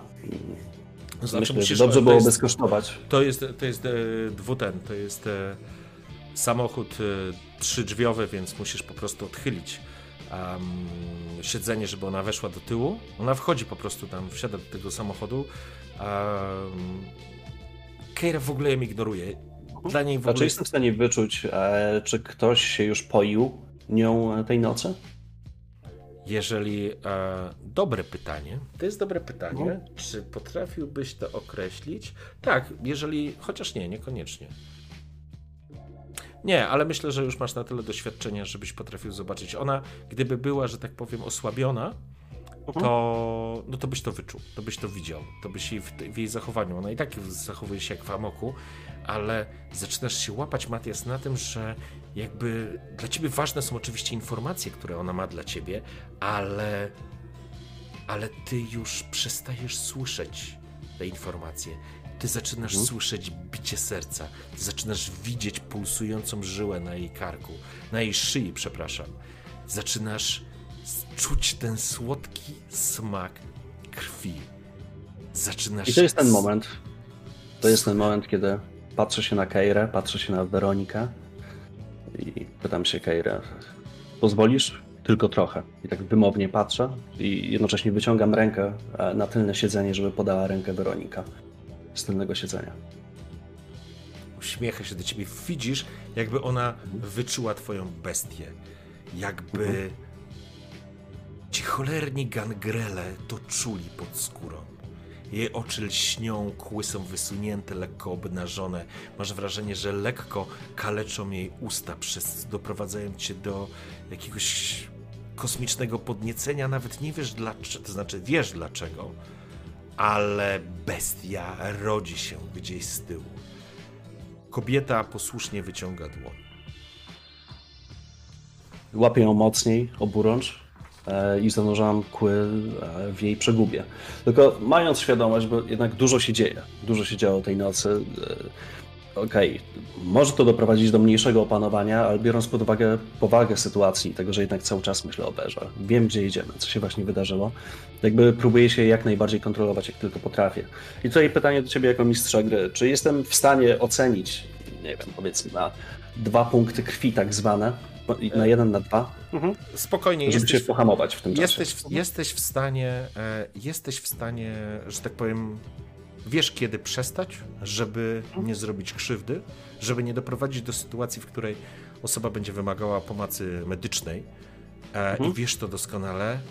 I normalnie, Matias, nie miałbyś z tym żadnego problemu.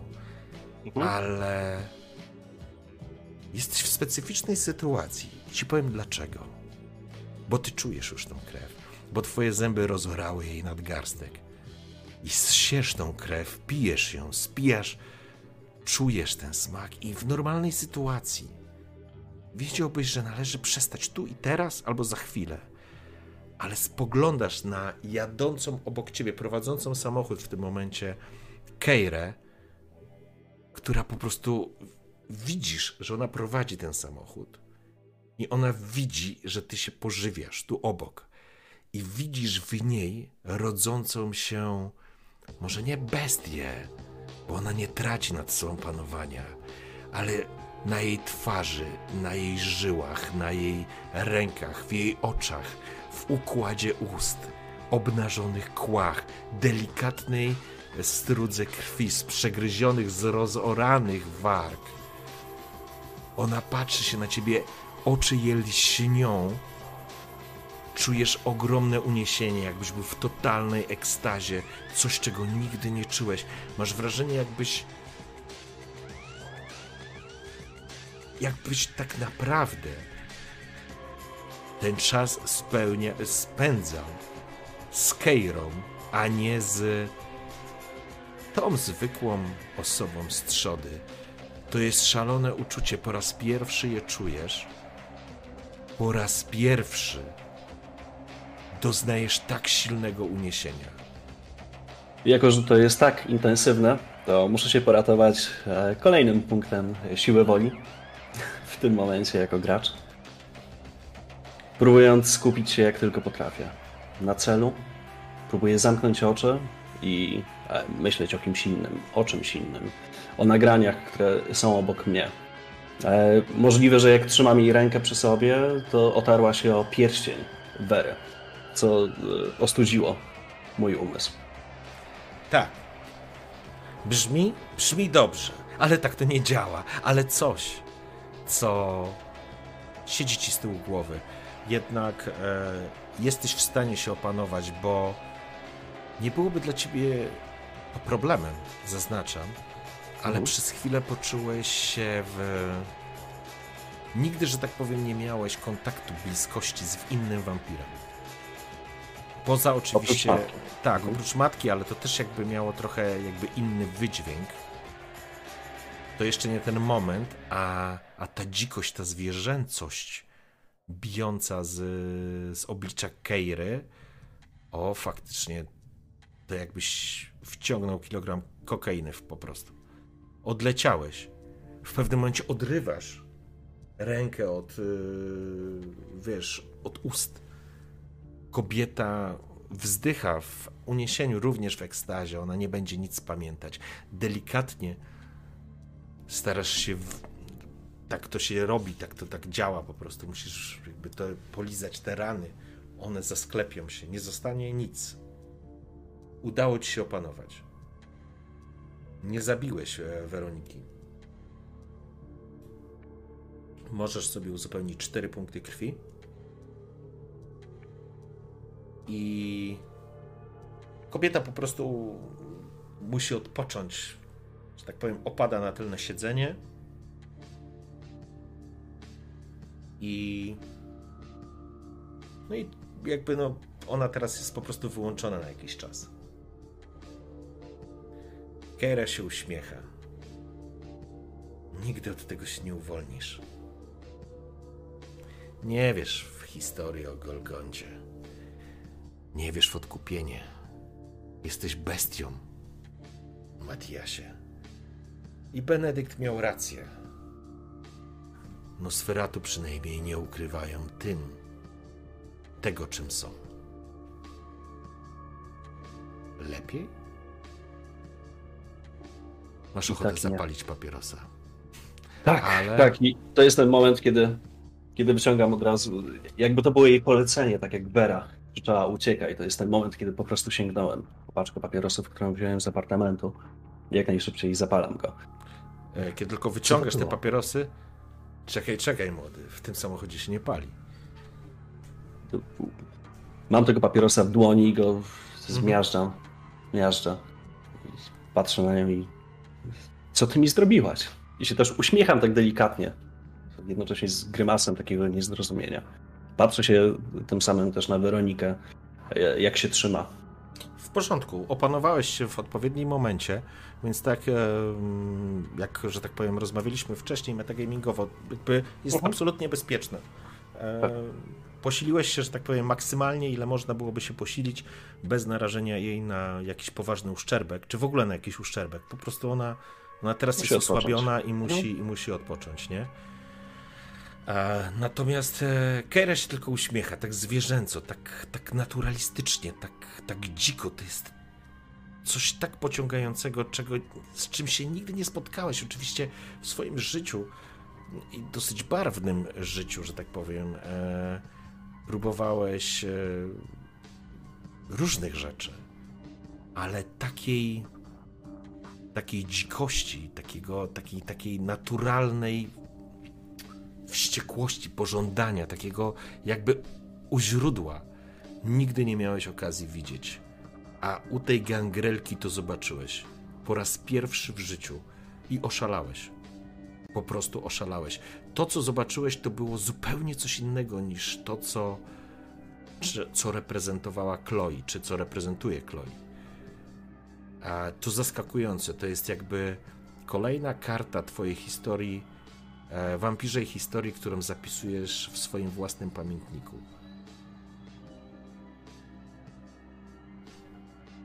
Dojeżdżacie do.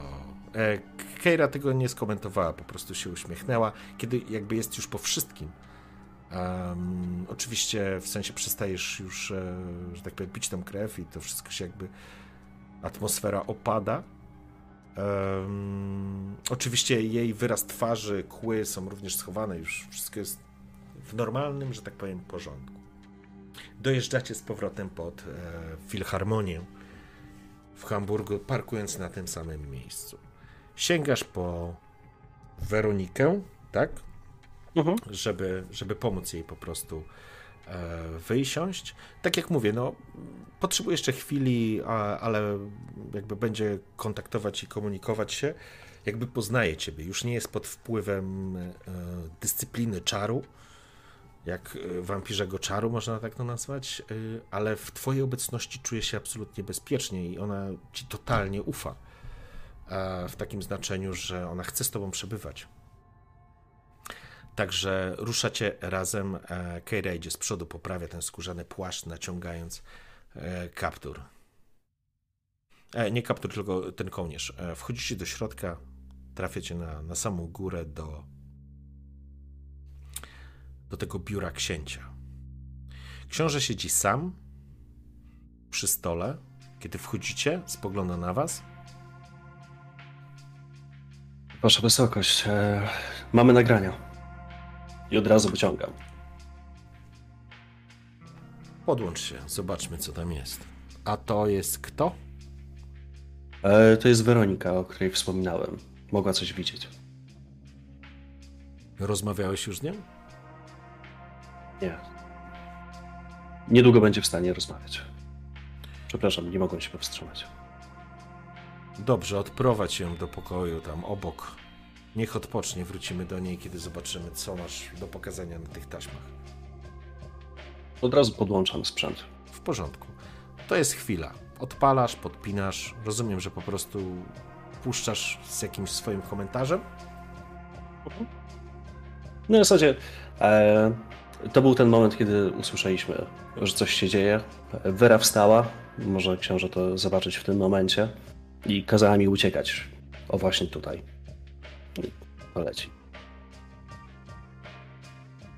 Aż do momentu, kiedy słychać, słychać tę laseczkę i, i mimo, że już nic nie widać, to jest ta laska, o której wspomniałem na, na spotkaniu wcześniej. Mhm. Jeśli to ważne, to jeszcze wyciągam e, tę kartę. Pokazuję księciu. To, to mnie uratowało. To dała mi Vera spogląda tylko, ale jakby nie zwraca uwagi specjalnie na kartę, odnotował tylko ten fakt, raczej skupił się mhm. na nagraniu oraz twoim komentarzu. W międzyczasie jeszcze wyciągam pierścień i kładę go na biurku. Zakładam, że czekamy na to, aż się na tym skupi.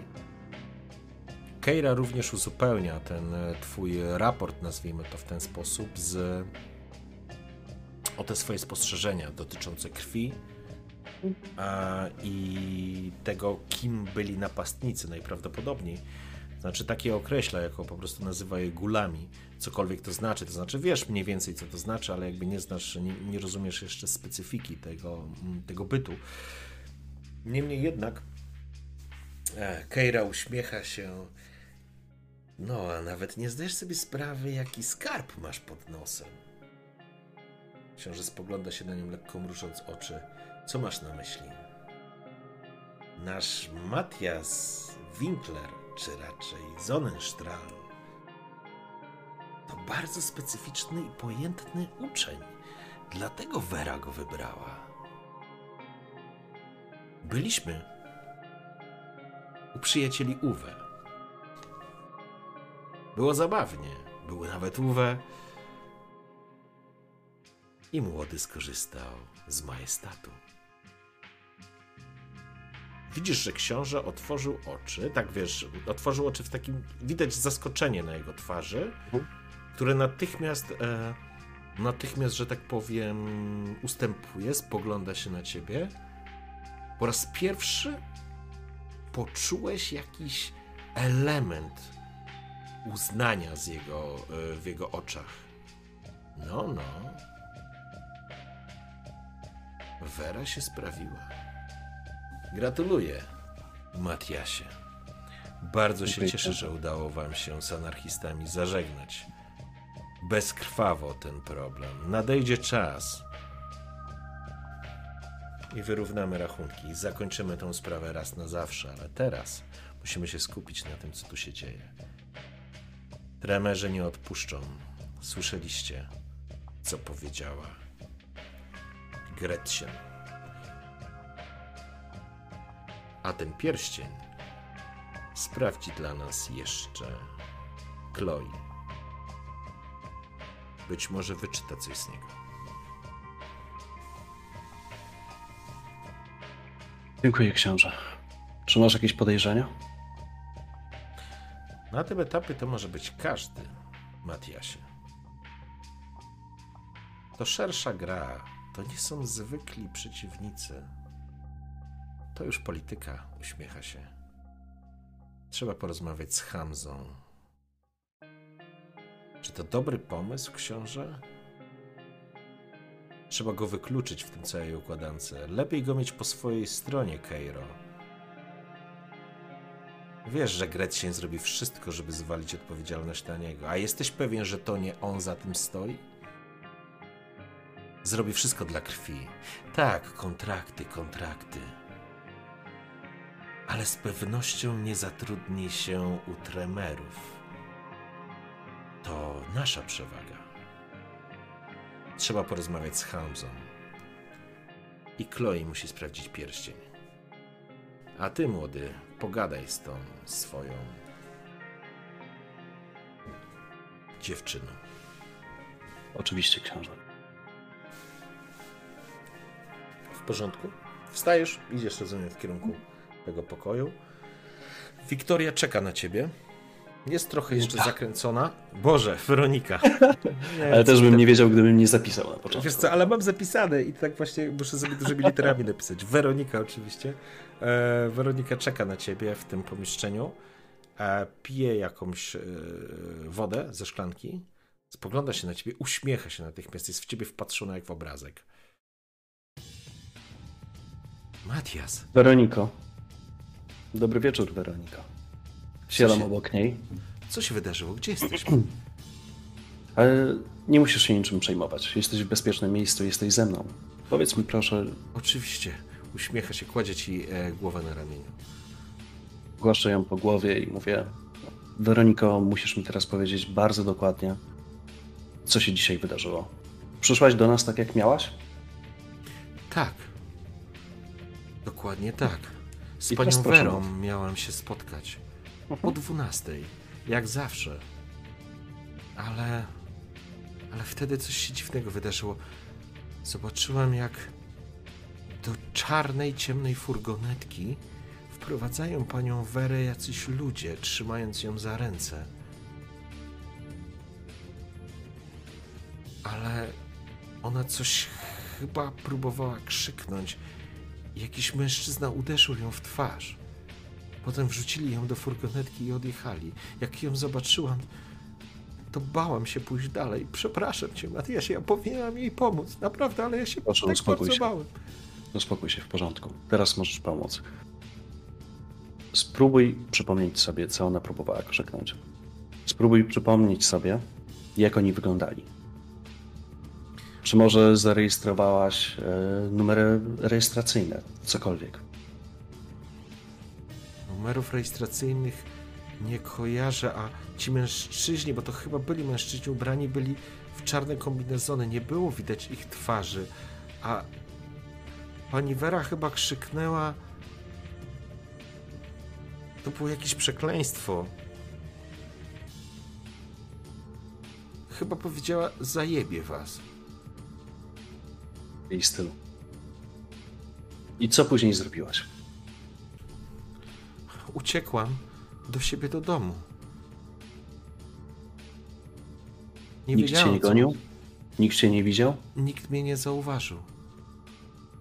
Najpierw przesiedziałam tam pod tej ławeczce, udając, że po prostu tam siedzę, ale nikt nie przyszedł, nikt nic ode mnie nie chciał, oni po prostu odjechali. A kiedy odjechali, to ja, to ja po prostu wróciłam do siebie. Wiesz, że ona nie kłamie. Absolutnie nie ma takiej opcji.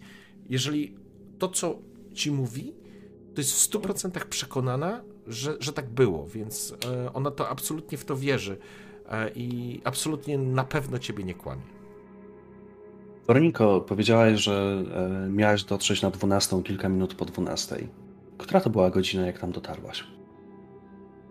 Hmm, to by się mniej więcej zgadzało z tym, bo ona faktycznie po północy zazwyczaj te wizyty się rozpoczynały, więc ty, kiedy oni wpadli, a nie, mhm. to fakt, przepraszam, to ja no, coś... Właśnie o to chodzi, bo okay, ile czasu sorry. spędzili w środku? Nie, mhm. to jest, e, to powiedzmy była 11.38. Sorry, to jest moja korekta. Mhm. Jakby czasowo się to, czasowo się to y, sprawdza. Okej. Okay. Dziękuję, teraz wypocznij. Jutro wrócisz do domu. Czy jesteś zadowolony? Czy wszystko zrobiłam tak, jak chciałaś? Głaszczę ją dalej po głowie, całuję w czoło i tak, oczywiście. Śpij dobrze, dziecko.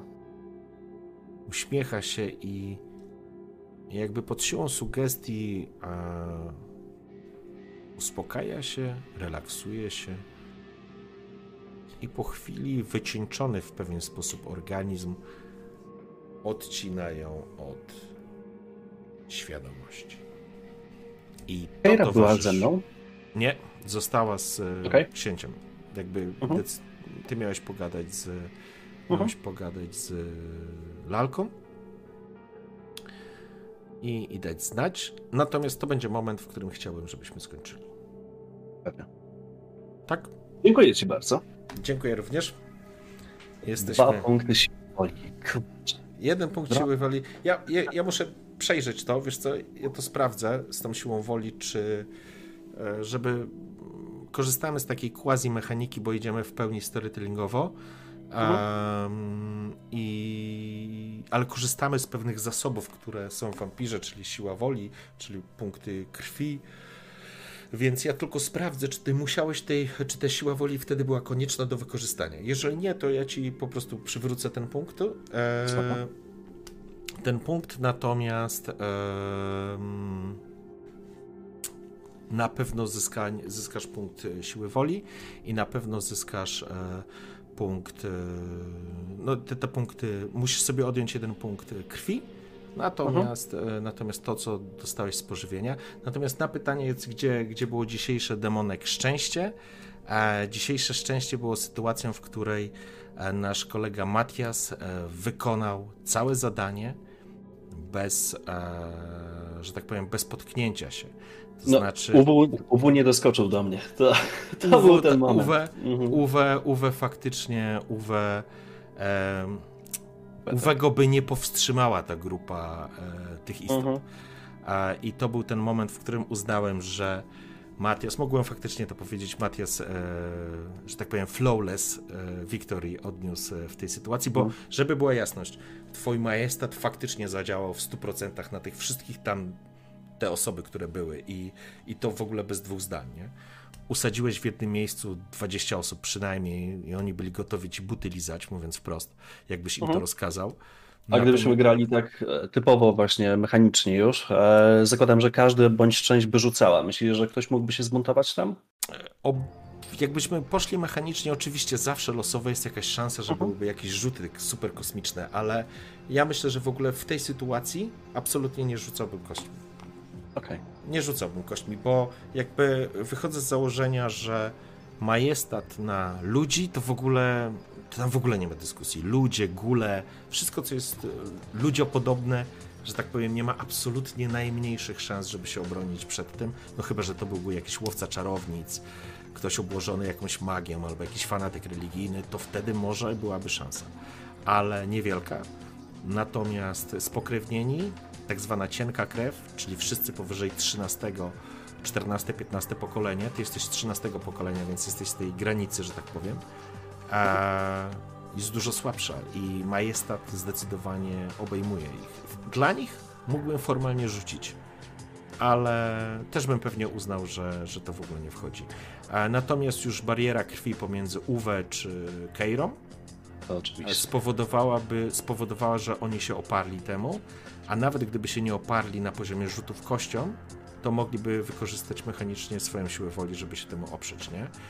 Niemniej mhm. jednak jest to bardzo potężna, potężna dyscyplina i, i no, można sobie zrobić dużego wroga.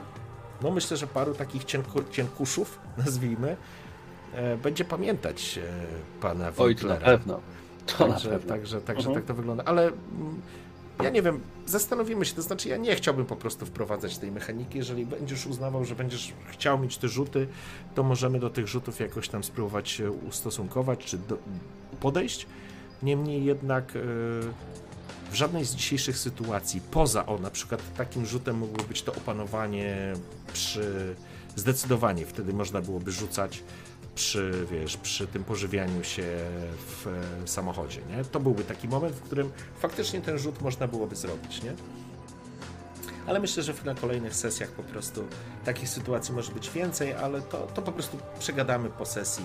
No czy, czy, czy, A jeszcze przeszukiwanie e, w momencie, kiedy ten pierścień tam leżał. To podejrzewam, mhm. że też, ale to było tak ważne fabularnie, że raczej zależało ci, żebyśmy to znaleźli. Tak znaczy pierścień, pierścień faktycznie, wiesz, jakby już tak metagamingowo E, są dyscyplina, jest dyscyplina, która nazywa się nadwrażliwość mhm. e, i ona daje możliwość wampirowi spokrewnionemu, który ma tą dyscyplinę, odczytywać pewien zestaw emocji związany z danym przedmiotem, z wydarzeniami, które się działy. To taka trochę, taka, taka trochę sztuczka magiczna, ale faktycznie tak jest opisana. I taką cechę nadwrażliwości e, mają toreadorzy, i mają Malkawianie, między innymi, nie? Więc, e. Mhm. więc e, z pewnością Chloe jest, będzie w stanie coś z tego wyciągnąć, ale to nie będą, wiesz, nie będzie zapis wideo, tylko to raczej będzie zestaw odczuć, emocji, pewnych wątków, które się mogły wydarzyć um, przy tym pierścieniu, kiedy, wiesz, kiedy ktoś go tam miał na rękach. Zwłaszcza, że to jest taki element, który jest e, tak emocjonalnie związany był z, z Werą. Mhm. No i Matias nie pogłaskał króliczkę. Czy rzucanie palenie zużywa punkty siły woli, czy rzucanie palenia zużywa siły, punkty... Sakata, mm, myślę, że palenie w przypadku wampira jest elementem, który jest taką kotwicą do jego człowieczeństwa. To znaczy on chce być... są takie zahaczki do tego, jak było kiedyś. To człowieczeństwo jest podstawowym driverem w ogóle gry wampira, bo bo to jest istotne, bo w momencie, kiedy już gracz, postać, nie gracz, postać traci wszystkie punkty człowieczeństwa, to, to staje się bestią. I podoba mi się, że na przykład, wiesz, tak, taki gang, takiego gangrela, czyli u tej Keiry to było, bo to jest ta bestia, to jest no jakby, no bardzo mocno związany z klanem element w ogóle gry, więc, więc ona mogła na to patrzeć pomimo tego, że że teoretycznie jest potężniejsza, bo jest starszej krwi z pewnością, to znaczy starszej, jest po prostu z wcześniejszego pokolenia, to, to uważam, że przy takich postaciach właśnie ona, no to to jest takie kręcące, nie? Ja też nie chcę, wiecie, bo to jest trochę tak, że byśmy musieli wchodzić naprawdę w takie bardzo delikatne przestrzenie. Ja też nie chcę pewnych przestrzeni naruszać i ich ten mm, poruszać zwłaszcza na sesjach online, ale, ale jakby grając wampira, no to jest to jest inny zupełnie system. No to nie umniejszając żadnym systemom fantazy, ale, ale tu nie bierze się po prostu topora i, nie idzie zabijać wampirów. To nie jest Blade. Nie, oczywiście możecie tak grać w Blade'a, w Vampira, ale, ale, ale ja wam chcę trochę inny system pokazać. To znaczy, nie inny system, ten sam system, ale trochę w innym ujęciu, w innej interpretacji. O, to jest to, co bym chciał powiedzieć. Niesamowita synergia między nami, panowie. No tak, Brzoza jest naprawdę spoko graczem, pod warunkiem, że nie prowadzimy się w horrorów, nie? No tak. Ej, było spoko. Było naprawdę spoko. Jakby doprowadziłem do pandemii, tak? Tak, to prawda, to prawda. Cel osiągnąłeś. E, A ten, tak. a... Sorry za ten przypadek z e, żoną Friedricha, e, Zofią. A to fajne było. To fajne było. To nie oznacza, że musimy w wampira grać z kikiem w dupie, za przeproszeniem. Nie, absolutnie. Są sceny, gdzie możemy się dobrze bawić. Są sceny, w których e, ten klimat ma być e, zobaczyć. E, brzoza zjadł nietoperza. Dobra. Cześć, Brzoza, brzoza poszedł i, i, i, i tak zjadł nietoperza. Także dzięki... Nie spoileruj pacjenta zero. tak. E, kolejna sesja Wampierza, więc tak, 13, czyli za tydzień będziemy grali w Wiedźmina, ale e, ja muszę siąść do harmonogramu tak naprawdę, bo może się okazać, że jak się dogadamy i ja, że tak powiem, będę w stanie dopiąć taki harmonogram, to może by się udało prowadzić e, w weekend albo w jakiś inny wybrany dzień, jak będzie ci brzo zapasować, po prostu wąpierza, czyli byłyby dwie sesje w tygodniu, ale nie chcę tego obiecywać, bo mhm. potraktujcie to jako pewien plan, pomysł, ale, ale nie gwarancję, że tak będzie, nie? Więc, więc tak, tak, tak by wyglądało. To już dogadamy na spokojnie. Ja też nie będę teraz na pewno obiecywał. Jasne. Jarosław z Pintaru gdzieś zaginął w czasie. Tak, wszystko jest jeszcze. Na lebiodę. Jakbyś powiedział Matias na końcu, na lebiodę to... Jak mówi dobra księga. Ojejku. Dobra, słuchajcie, dziękuję wam pięknie e, za, za to, że byliście. Dziękuję oczywiście Brzozie za dzisiejszą sesję. Życzę, czyli pandemia to jego wina. Hokage obejrzyj. Pacjent Zero to jest start kampanii kultu. Z automatu proszę o wybaczenie. E, nie było to planowane. Do, to był podstęp.